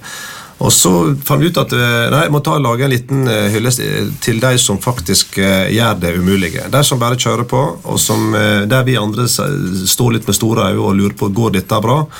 Men så er det noe som gjør det, og så heldigvis så er vi så heldige i Stryn kommune at vi har sånne folk. Så det er en liten hyllest til dem. Er du klar, Kjell Holko? ja, jeg skal bare vri på den her volumknappen, jeg, og så Vil du telle, eller hvor er det? Nei, ja, jeg bare begynner. Jeg sa det var umulig. Jeg sa det var utopi. Jeg sa det var et sjansespill og svermende draumeri. De lo og kviskra, de var sikre på at dette aldri ville skje. De sa det bare var et draumeslott i ferd med å ramle ned. De sa at alt er mulig med god tru og litt hell. Vi sa at står vi sammen, kan eit underverk bygges på fjell. Og nå er drømmen blitt til virkelighet. Ei fyrtårn står og lyser blått.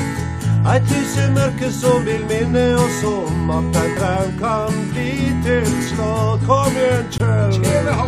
La oss sveve opp til hoven og sjå verda ifra oven. Sjå det fineste av moder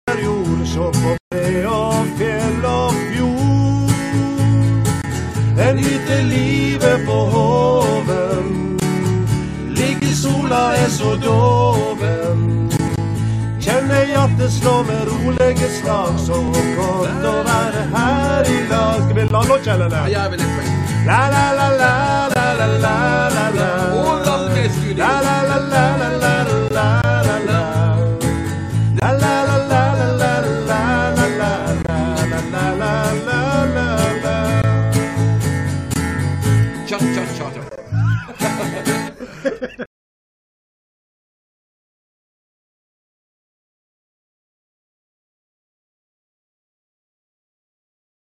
Typisk sånne sanger. Altså, dette var jo bare ett nummer. Altså, vi har jo mange. Vi har jo, for å si det sånn, Jeg er litt flau, også, men når vi er ute og spiller, så har vi en perm med 120 låter i. Og da har vi faktisk sittet og plukka vekk. Altså, det var jo en stund Vi reiste, vi reiste rundt med to permer. Vi hadde med oss over 200 melodier. Og Nils Petter har jo skrevet mange andre melodier. Han har en, en som vi spilte mye før. Husker du den her? eh, og, Ola Nordmann. Ola Nordmann, ja. Nei, vi skulle gitt en liten smakebit ut av den tror jeg. Jeg tror Men eh, jeg, det jeg, tror jeg skal hjem igjen. Nei, men vi, vi må ha en smakebit til, men kanskje vi skal prate litt først, for dere var inne på dette med øving. Ja. Ja, Skulle gjerne øvd i stad, men eh, øver dere lenge? Altså- Eller er det så innarbeidet alt? Altså, for å si det sånn um, Nå drikker han julebrus og koser seg. Ja, ja, jeg må, jeg må, men jeg må ha For å si det sånn, når jeg sa i stad at jeg har ikke gjort dette gratis, men hvis dere ser nå, så er det, er det ikke mandariner igjen, og knapt brus igjen. Så er det klart, når du ikke får penger, så skal jeg iallfall vaie på andre måter. Det må dere. Det er veldig bra, du har næringsved. Ja, ja, ja. Her, her skal kroppen bygges. Ja, ja, ja. Nei, jeg, vi snakker med øving, ja. Nei, altså, eh, I, i de tider da vi, da vi spilte på, på fullt for å si sånn, så Vi var inne på Tonningstova og spilte tirsdag, onsdag, torsdag, fredag, lørdag om somrene. altså. Yes. Eh, Så hadde jeg ikke behov for øve. For, og for at, eh, si, Vi har liksom funnet vår måte å gjøre det på, men selvfølgelig nå i, i, i, så, så møtes vi nå av og til der uh, han Nils har plukket ut noen nye melodier, så da må vi jo samkjære det. og så får jeg for at eh, som, som alle har vet, vi er jo kun to sjeler. Har, ikke har vi keyboard. Skulle hatt med en Ove på keyboard, vet du. Hatt med en Odd Martin på, på bass. Så kunne jeg sitte og være lydtekniker. Og så skulle vi hatt med oss en trommeslager, enten han Guttorm Sebø eller han, eh, eller han eh, Åge Nygaard. og Jeg skulle ha Jon Are Steen på, på gitar. Sant? Altså, hadde jo vært Er ikke det- snart Subway nå? ja, det er, noe, mye, det er ikke mye om å gjøre. Men, altså, men vi har funnet ut at eh, i og med at vi ikke har alle disse her å støtte oss på, så må vi finne vår måte å løse eh, rytmikken. Kanskje vi må spille låten litt seinere, litt forere. Altså, vi må, som Nils bruker å si, vi holkofiserer det litt.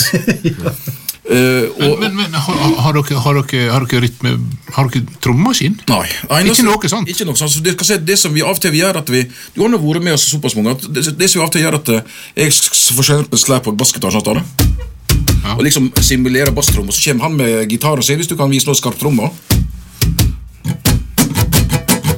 Ikke sant? Altså, altså, all, all rytme som blir laga altså, For å si det sånn, band in a box eller trommemaskin, alt, alt sånt er strengt forbudt. Akkurat. Og vi har fått så mange, eller ja, ikke så mange, men i hvert fall en åtte-ti personer som, som kommer og, og spør oss hvorfor bruker ikke dere midi-fil. eller... Og, da, og Den dagen vi gjør det, Nils, Nei, da- da, er vi, da har vi tapt. For da er vi bare én ut av mange sånn middelmådige greier. Ja, ja, ja, ja, ja. Vår, vår, eh, vår filosofi og vår styrke er vel dette her at vi kan stoppe midt i, eh, ei setning i et vers.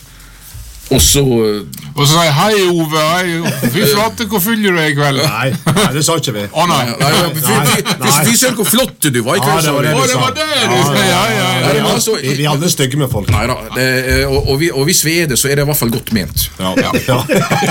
Det var en grei måte å si det men altså, vår, vår filosofi er litt, som vi sa litt innledningsvis, at vi, vi liker å prate med publikum. For at eh, vi liker å ha det Eller når vi, når vi ser at publikum har det kjekt, så har vi det kjekt. Det var et sånt typisk eksempel da vi spilte inn på Tonje Stova. skal jeg si, det forteller litt om Holkøyger, For det var en sommer, sikkert sent på 90-tallet. Vi satt ute på, vi spilte ofte ute på lørdagene i, i Stryn sentrum. på lørdagene. så det er sånn afterski, da, Ja, på afterski på Tonningstova. ja. Veldig kjekt. og Vi var vel en 150-200 som satt ute og inne der. Kjempestemning, og klokka var fire-fem om ettermiddagen. Og det var, jeg husker det var så uh, utrolig fin stemning. Og så sitter vi og ser på hi side forbi eh, Gjellemater og, og Nesje og Låstadbygget der. Så kommer det et ektepar gående på andre sida, uh, som han- både Kjell og jeg ser mens vi sitter og spiller. Ja, og han karen gikk nå på krykker, han hadde sikkert operert selvfølgelig på en annen måte. Og midt i en sang, eh, og alle sitter og synger med, og det er høy stemning, og alle synger med, så bråstopper vi. Og det var helt stilt. Det var, det var 150 stykker som slo av en bryter. Og så skriker Holkjen i mikrofonen så det ljomer gjennom hele Stryn sentrum. Halleluja, brother, sa han på den andre sida. Slipp krøkkene, du kan gå! og det var helt stilt. Så snur 150 stykker seg og ser på i sida, og så begynner alle å le. Men heldigvis, han holdt på. Ja, han- han han- sånn. han løfta jo ja, han krøkkene. nok Å, ja. Men du vet at det er en sjanse å ta. Men det er litt sånn det, det forteller, det, Jeg tror kanskje dette konseptet der som ja, Nei, men altså, Det er et rev- revykonsept, egentlig. Ja, altså, jeg, jeg var jo så heldig at jeg fikk uh, være med spiller med Birger Mæland, så, så jeg lærte jo utrolig mye av han. Da. På den måten at eh, en, eh, det var utrolig viktig også å underholde publikum. Og Roy Aron har jo stått på Han er jo en fantastisk revymann. og Jeg har jo hatt gleden av å få jobbe med dere masse med lyd som lyd- og lysmann, da, både i Stryn og Sogndal og, Ålesund. og for å se sånn, Han kommer dragende med disse figurene sine, og du, og du, og du, ser, du ser responsen av blant publikum. På samme måte som Inge Mathias kom med 'Gammel mann'. For Mm. Der er noen sånne figurer som, som, som går igjen, som folk forventer. Og dette her, når, når, når du får en respons tilbake igjen fra publikum, så er ikke- det er ikke noe så artigere enn det. Og jeg husker vi satt inn på Tonningstova for, altså Vi spilte jo veldig mye på Tonningstova i gamle dager med Marit og Anne Charles. Ja. Og vi hadde, altså Det er jo litt fælt å le av det, men altså vi spilte en Det er egentlig en, det er vel en, barnevise. Ja, gubben og gamla lå og drog. Ja. Og Én ball og to ball. Ja, én ball og to ball. Og, så, eh, og, og vet at når, vi- når vi da liksom var kommet til 100 ball Dette er sant. og, og, ja, altså, når vi kom til 100 ball, og du ser det sitter altså 160 personer med promille fra to og oppover og prøver å konsentrere seg og skal synge om og så blir det sånn 100 ball, 99 ball, 98 ball, 97 ball, 96 ball, 95 Og så var det om å gjøre å puste på forskjellige plasser. slik at Vi holdt tellinga nedover. Så, så viser bare dette at du kan egentlig altså, Vi gjorde jo mye barnesanger. Så det var tull og tøys, men, men folk fikk eh, være med og delta i festen. Det var mange store opptredener. Magnar Gjelle var framme med sin gitar og spilte spanske rytmer, og mange og jeg vært Da Håkon og da de gifte seg, vår kjære kronprinspar, så hadde vi han Kjell, du var Mette-Marit, Ja. og jeg var Håkon. Han Dag eh, Greidung han var da presten, og han eh, Freddy Sandbakk var ute og henta trekkspill. Og vi, det var et skårespill i kvarter med, med nydelig musikk og ja og eh, For alltid skal det være oss. Og det har vært mye løye. Det er, det er egentlig konklusjonen. Vært mye løye. Vi kan ikke gå gjennom hele Jeg tror vi skal stoppe. Ja, men Da kan vi holde på en, en par timer til. Men, eh, Men, altså- men er det litt dette som gjør at dere har holdt på så lenge? Det gir dere veldig mye tilbake, sånn som jeg forstår det. Ja, det, det- Altså for å si sånn, Hvis, hvis jeg skulle gå etter pengene, så, eh, så hadde det i hvert fall ikke vært det som hadde vært drivkrafta. Altså vi har jo bra, bra hyre, men for min del er det slik at jeg har masse utstyr som skal repareres. Jeg har nettopp de tre siste årene så har jeg brukt nesten 200 000 på den jævla lastebilen. Det er vel, snart, det snart skifta alt i mulig skilta. Men, altså, men, men det, det, som, det, som gjør at, det som gjør at dette her er så artig, at jeg føler i hvert fall at vi har det utrolig løye når vi er ute på tur. Og, og, og så lenge vi får den responsen tilbake fra publikum som, som gjør at det faktisk er mening å holde på med dette vi gjør, så tror jeg vi kommer til å spille til vi må drages ut av sykeheimen og sitte der oppe og sleve.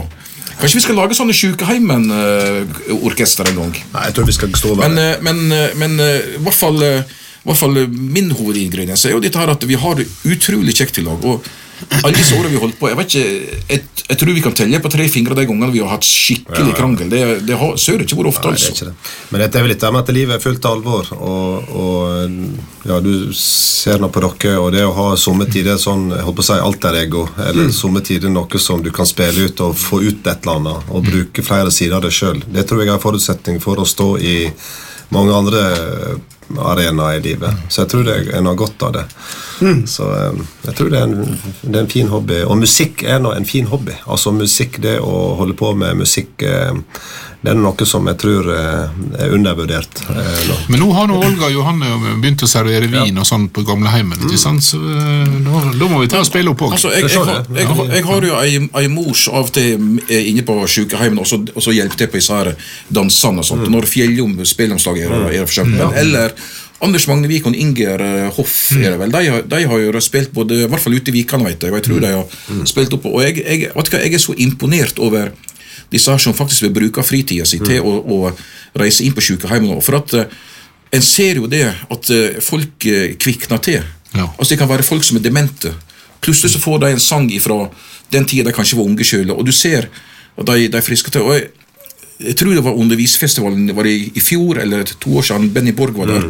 Mm. Var han oppe der? Han var der oppe og, og spilte. Og jeg var da, jeg han Geir Nygaard litt med lyd der oppe. Og du så når han kom med disse her gamle sviskene sine altså det er klart at Han hadde sikkert en tøff jobb, for at eh, han nådde liksom ikke fram så han kunne få folk til å flire og le. For at ja.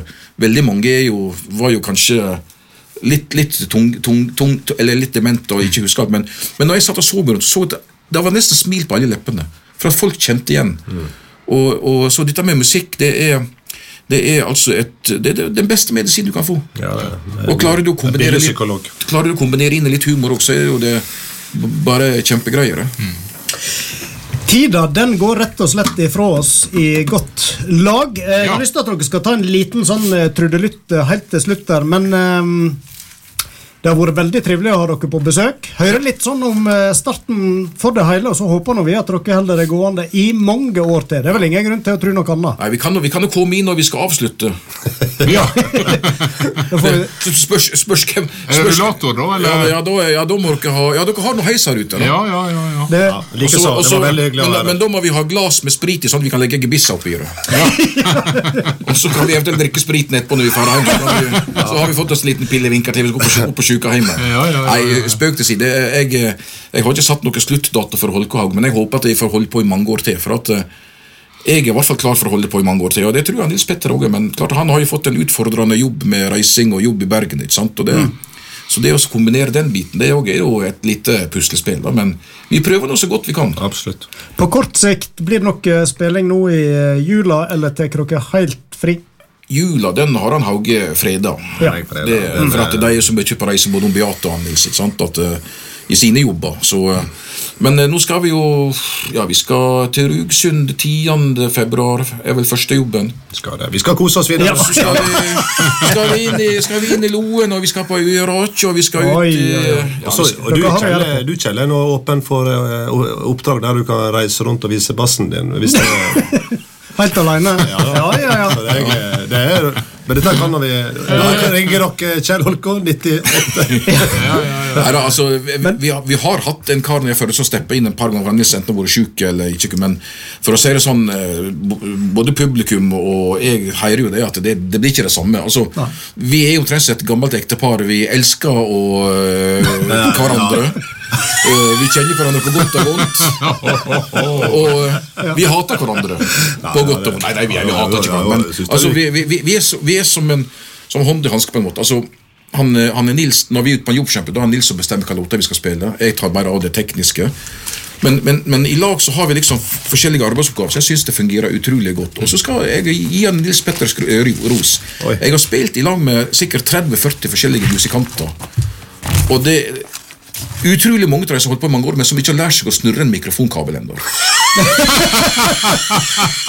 ja, der har Nils. Han, Nils, eh. Nils har fått en, fått en god skole. Ja. Nei, men uh, Surt synger du, men kabler det kan du. uh, Jeg må få lov å spørre, nå, nå, nå er det jul snart. Ja, ja, ja. Har du en favorittjulekake, Kjell? Om jeg har en favorittjulekake?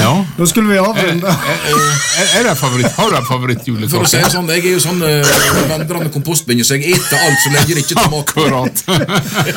Og du, da? Nei, det skal, Ja. skal jeg avslutte, men jeg husker jeg, vi var ute og spilte en gang, og så, og så ga jeg han Kjell Jeg kjøpte en sånn stor pakke med, med fem forskjellige smaker oppi, vet du, som med masse sånn forskjellige godteri. Og så satt vi og så fotballkamp, og så spurte jeg Kjell vil du smake litt, sa jeg. Og så så du gravemaskinen han kom ned i, og så bare tok jeg sånn skikkelig, og så drog det opp, og så bare datt det et par stykker ned, og så bare for, det ned i kvenja, og så sa jeg han, jeg, til Kjell at du, bare ta alt du vil, men, men la det være igjen litt, litt noe røde, for de liker så godt, sa jeg. Og så så du bare ut av, ut av munnen, der stakk det grønne og røde og blå og alt mulig, og så sa han, sa han Kjell, ja, men er det, er det ulike smak på dette her? Så du vet at det, det er mye rart som skjer. Ja, Altså. det, det, dette er jo sånn som jeg har for, fortrengt, men Ja, ja. nå skal jeg sies at vi har drukket mye julebrus opp gjennom tiden. Det. Ja, det var på lørdag klokka to. Men det er greit. Ja.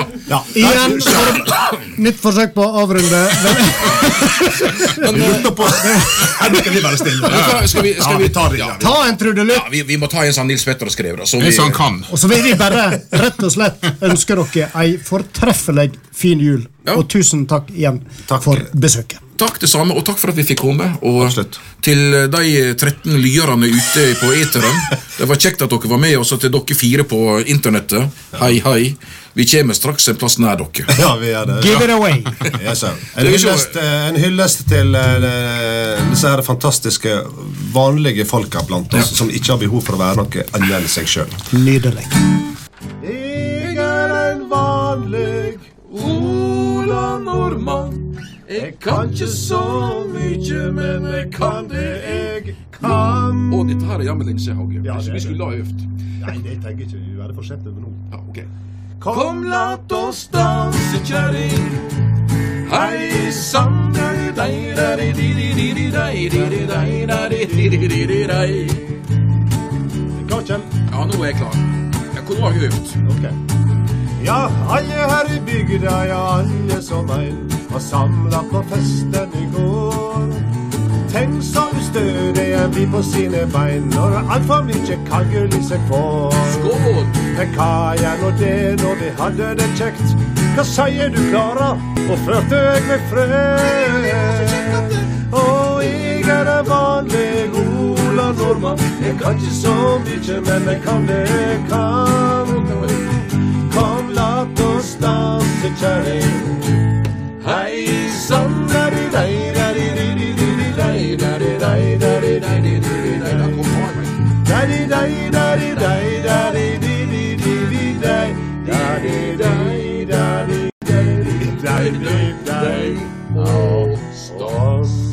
Og god natt. Og god natt. Takk for oss, og vel heim. Tusen takk, og god jul. god jul. Vi skal snart eh, ringe til det store utlandet, men vet du hva, Ove André? Eh, nei.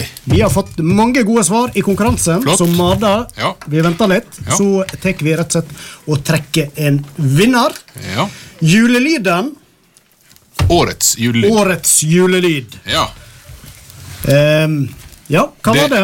Ja, nei, det var eh, Det var en Roy Aron som sto og pakka inn en pakke.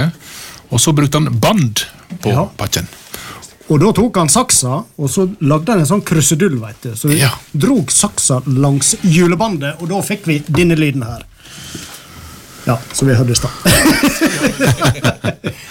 og der var det flere som klarte å gjette riktig. Og da skal du eh, få knipe igjen øynene, og så skal du få peke ned på papiret her, der vi har eh, riktige svar. Si et tall mellom 1 og 6, bruker han eh, Thomas å, si. Kan jeg få si det tallet, da? Ja, ja. Holko er på vei ut med bassen, hvis det er lov å si. Så på vei ut kan du få lov å trekke.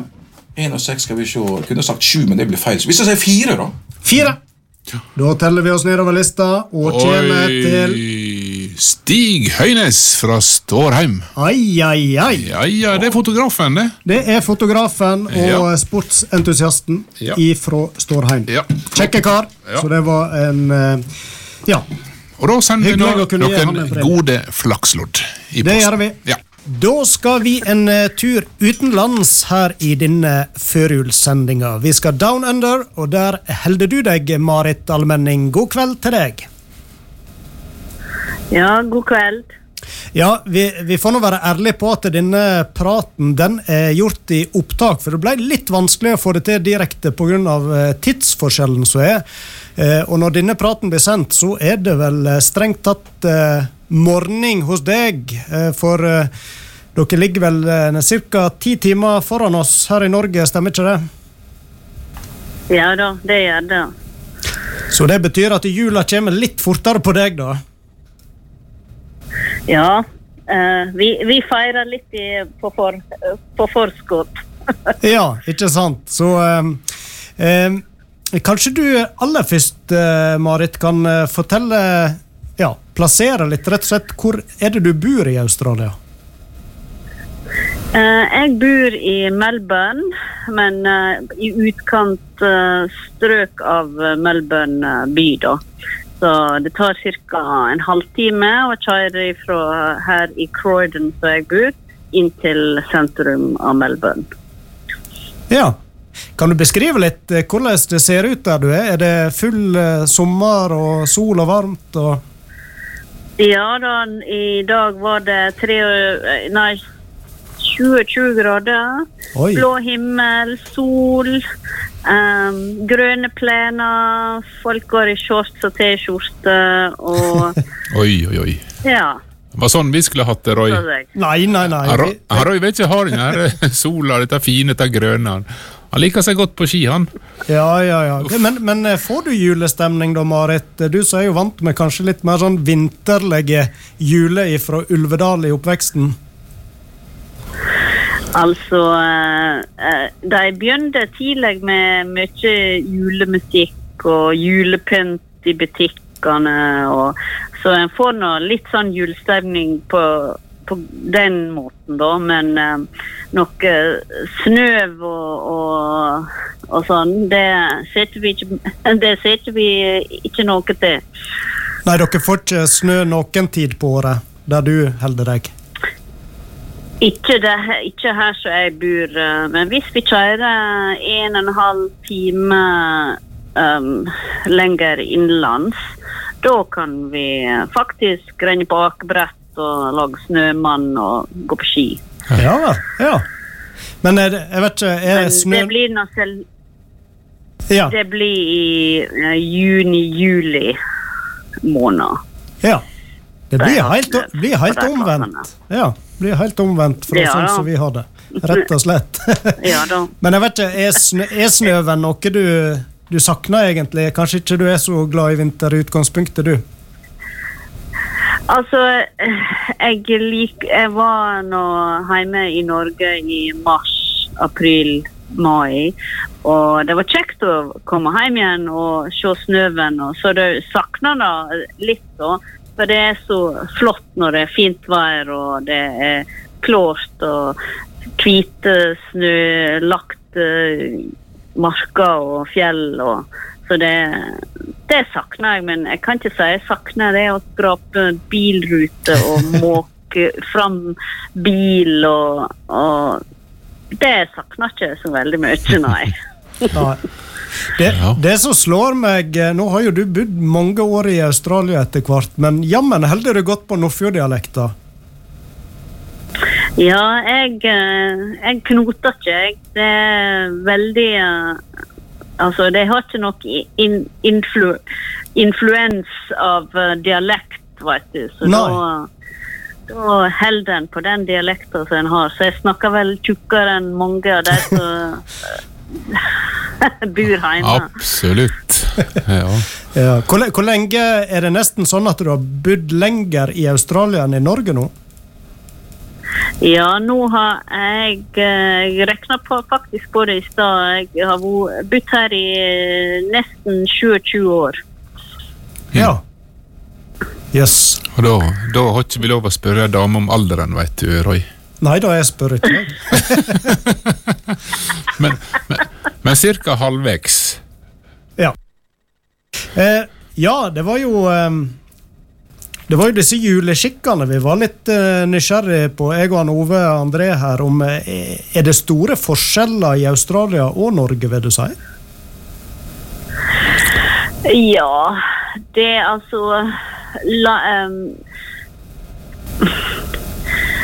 Ja, det er en god del. Det er mer engelsk jul her nede, da. For um, de har andre andre måltid, eh, og så feirer de første juledag. Og de feirer til lunsj. Eh, så de feirer ikke julaften, da. De eh, feirer første juledag. Ja. Og så eter de da kalkun eller skinkesteik. Em, og ovnsbakte poteter og um, fylte tomater og julepudding. Eller de kaller det Christmas pudding da her. Så Mm. det blir noe slags Det er en slags fruktpudding, da. Og så har de Mange har pavlova. Kake med ferske bær og oh. mango og den er og- nydelig. og- Ja. Ja. Så det er mye sånn, litt sånn engelsk pluss litt, litt sånn australsk òg. Og så spiser de mye reker og en del fiskemat òg. Um, for det er liksom uh, en slags delikatesse da, for mange familier. Ja. Hva, har, du, har du norsk jul hjemme med deg, da, eller? eller? Vi bruker å feire på julaften, ja. Ja. Og, Hva men mat? altså, vi har ikke ribber da. For det, at, det er litt vanskelig å, å få Altså, vi må salte dem og tørke dem sjøl, da. Og, så, og det å henge dem og tørke dem her nede til det klimaet som vi har, er ikke alltid like ideelt. Nei, det blir vel mye fluger da, tenker jeg. Nei. Men, men mangel på Ja, sauer er det vel ikke i Australia? Nei da, det er rikelig av det.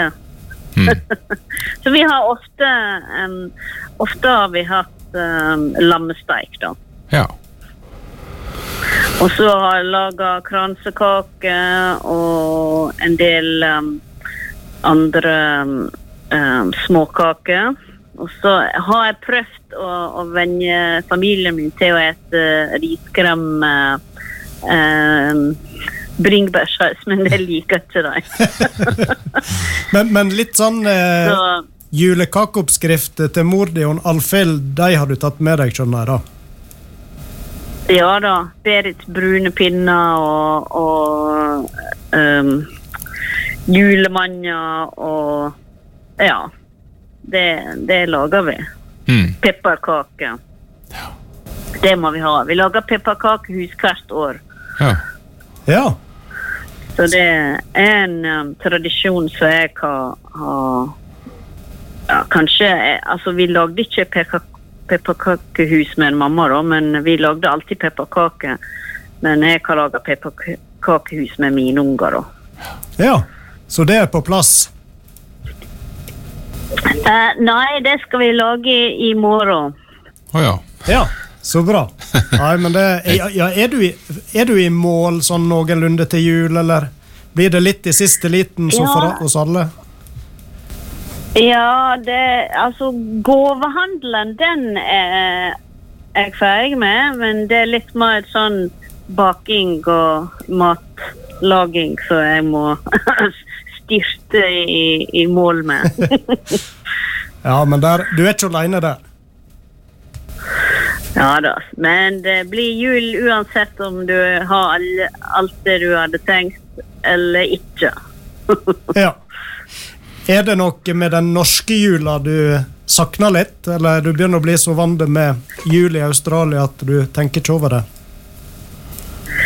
Ja, altså Det å være samla med familie, det er nå det som en savner mest. For det er nå det som jeg syns er, er kjekt med jul. At du er i lag med familie og, og feirer lag med de som står deg nærest. Så selvfølgelig er det mange år siden jeg har vært hjemme og feira jul med, med familien, men um, men jeg har prøvd å lage min egen tradisjon, og ja, så feirer vi nå med min um, andre halvdel sin familie på første juledag, så det syns jeg nå er veldig koselig. Så Ja. ja da, en venner seg til det, men um, eh, lukta av juleribbe når hun står og damper, den, den savner jeg. ja. Ja, det skjønner jeg godt. Jeg bruker å sette den på sånn i 11-12-tida, jeg, på midt på dag, julaften. Så da står den og Ja. putrer og går hele ettermiddagen, og det er god lukt i huset, ja. Ja da. Nei, det, det savner jeg. Det, det um, er noe som er veldig spesielt hjemme. Tre nøtter til Askepott kanskje òg, eller? Uh, Veit du hva? Eh, vi har ikke tre nøtter og Askepott, men jeg faktisk eh, Jeg liker den veldig godt. så jeg satt og så den her for to dager siden. Så bra. Um, så jeg lasta den ned og eh, kjøpte den for fire dollar. God investering. Du, du, nevnte jo det, Ja Jeg nevnte at du var hjemme om en tur her i vår. Blir det mange turer til, til Ulvedal og heimlandet? Um, nå var det en stund siden av at uh, vi hadde denne pe em, pandemien, så uh, da hadde vi ikke vært uh, ikke hjemme igjen på fire år. Så, um, så det var veldig godt å komme hjem igjen og være der i tre måneder og, og ha litt tid la med eldre foreldre og ja, søsken. Så vi håper nå at det ikke blir fire år til neste gang, iallfall. Ja. Og da tenkte jeg til slutt, eh, Marit, at jeg kanskje har lyst til å sende en liten julehelsing hjemover. Jeg vet ikke om du har rekt å sende julekort til alle, så da har du en gylden mulighet gjennom Radio Stryn å kanskje sende en liten hilsing. Ja, da sender jeg ei god julehelsing til, til uh, søsknene mine og foreldrene mine og alle onkler og tanter og venner og kjente. Ønsker dem ei god, fredelig jul og et godt nytt år. Um, ja. Ja. Og ønsker at alle får ha, får, får ha det godt. Og så eh, skal du få lov å komme med et lite musikkønske òg, hvis du har det på lur. Ja, jeg er veldig glad i julesangen 'Deilig er jorden'. Ja. Ja. Den skal vi nok sette på. Da eh, vil vi her fra studio eh, iallfall ønsker deg, Marit, og eh, din familie ei fortreffelig jul og etter hvert eh, godt eh, nyttår i Australia. Og så var det veldig kjekt at du tok deg tid til en liten prat med oss. Ja, det var veldig koselig å snakke med dere og, og ha, ha en riktig god jul.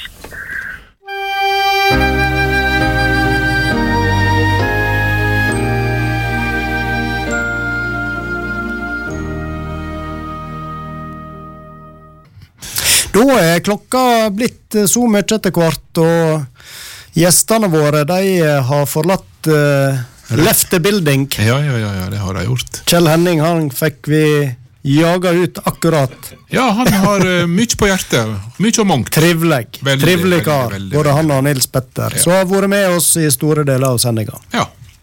Så nå uh, begynner det å Nærmest komme dit hen at vi skal su sule opp. Men eh, vi har nå fått uh, ei julehels... Opp eller inn? Sule opp eller inn, ja. Det var det, da. Ja, vi har fått inn en helsing her, ja. ja, ja, ja. Den må vi iallfall få med.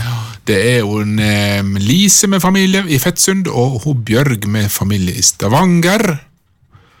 Hun vil ønske alle kjente og kjære riktig god jul, og ønsker å høre Nordfjord natt. Den skal vi øyeblikkelig høre. Hvem er det som høyre. spiller den, da, du, eh, Roy Aron? Husker du det?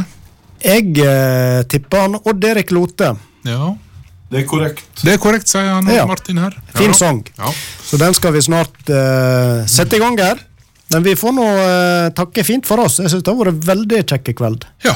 Det syns jeg òg, og det håper jeg dere der ute òg syns. At vi har hatt et greit program så langt. Ja. Så Flotte det- gjester i studio. Ja. Linda Jitri og han Anders Viktor Kvile. Og han Arne P. Sunde. Og så fikk vi Holko Hauge, Nils Petter Hauge og Kjell Henning Holko i studio. Ja. Og så har vi hatt en kjekkeprat med Anne Merete Erdal. Og til slutt så var det hun Marit Almenning i Australia. Ja. Ja. Og denne sendinga her da fra 21. desember 2023, den kan dere se opp igjen eh, på fjordingen.no hvis dere vil det. Ja. Der ligger videoen ute. Den blir liggende der en stund, blir ikke den det? Jo da, Ja. så det går an å kikke på. Så kommer jeg eh, til å lage den til en podkast òg. Mhm. Så på Radio Stryn sin podkast, Soundcloud, Yes. der kan en høre den eh, når det måtte passe. Og det er jo noen dager igjen til jul, så det går jo an å sette den på i morgen, eller litt julaften, eller julaften, eller ja. Ja. Rett og slett. Ja. Så da får vi fortelle hvem det er som har vært i studio, da. Da syns jeg vi skal begynne med en veldig dyktig lydmann som Ja. har passa på at vi både har lyd og bilde og musikk på rett plass, og ringt og tatt imot telefoner. Ja, Odd Martin Mørk. Ja. Han er ikke svettep under armene heller i kveld. Nei da. Han har kosa seg med skumnisser og Ja. brus og Coca-Lola. Ja. Ja. Og så heter nå du Ove André Årskog, da. ja, tusen takk, Roy Aron Myklebust. Takk for ei hyggelig økt. Roy Aron Brennvik Myklebust. Ja. Jeg glemmer den Brennviken. Ja, ja, ja. Men uh, nå sa jeg det. Flott. Ja. Da ønsker vel vi rett og slett alle lyttere ei riktig god jul. Ja, God jul, alle sammen. Sier vi takk for oss, og så skal vi høre på Odd Erik Lote og Nordfjord Natt. Det er natt over fjella ved fjorden. Månen henger på himmelens rand. Som et øye som våker inn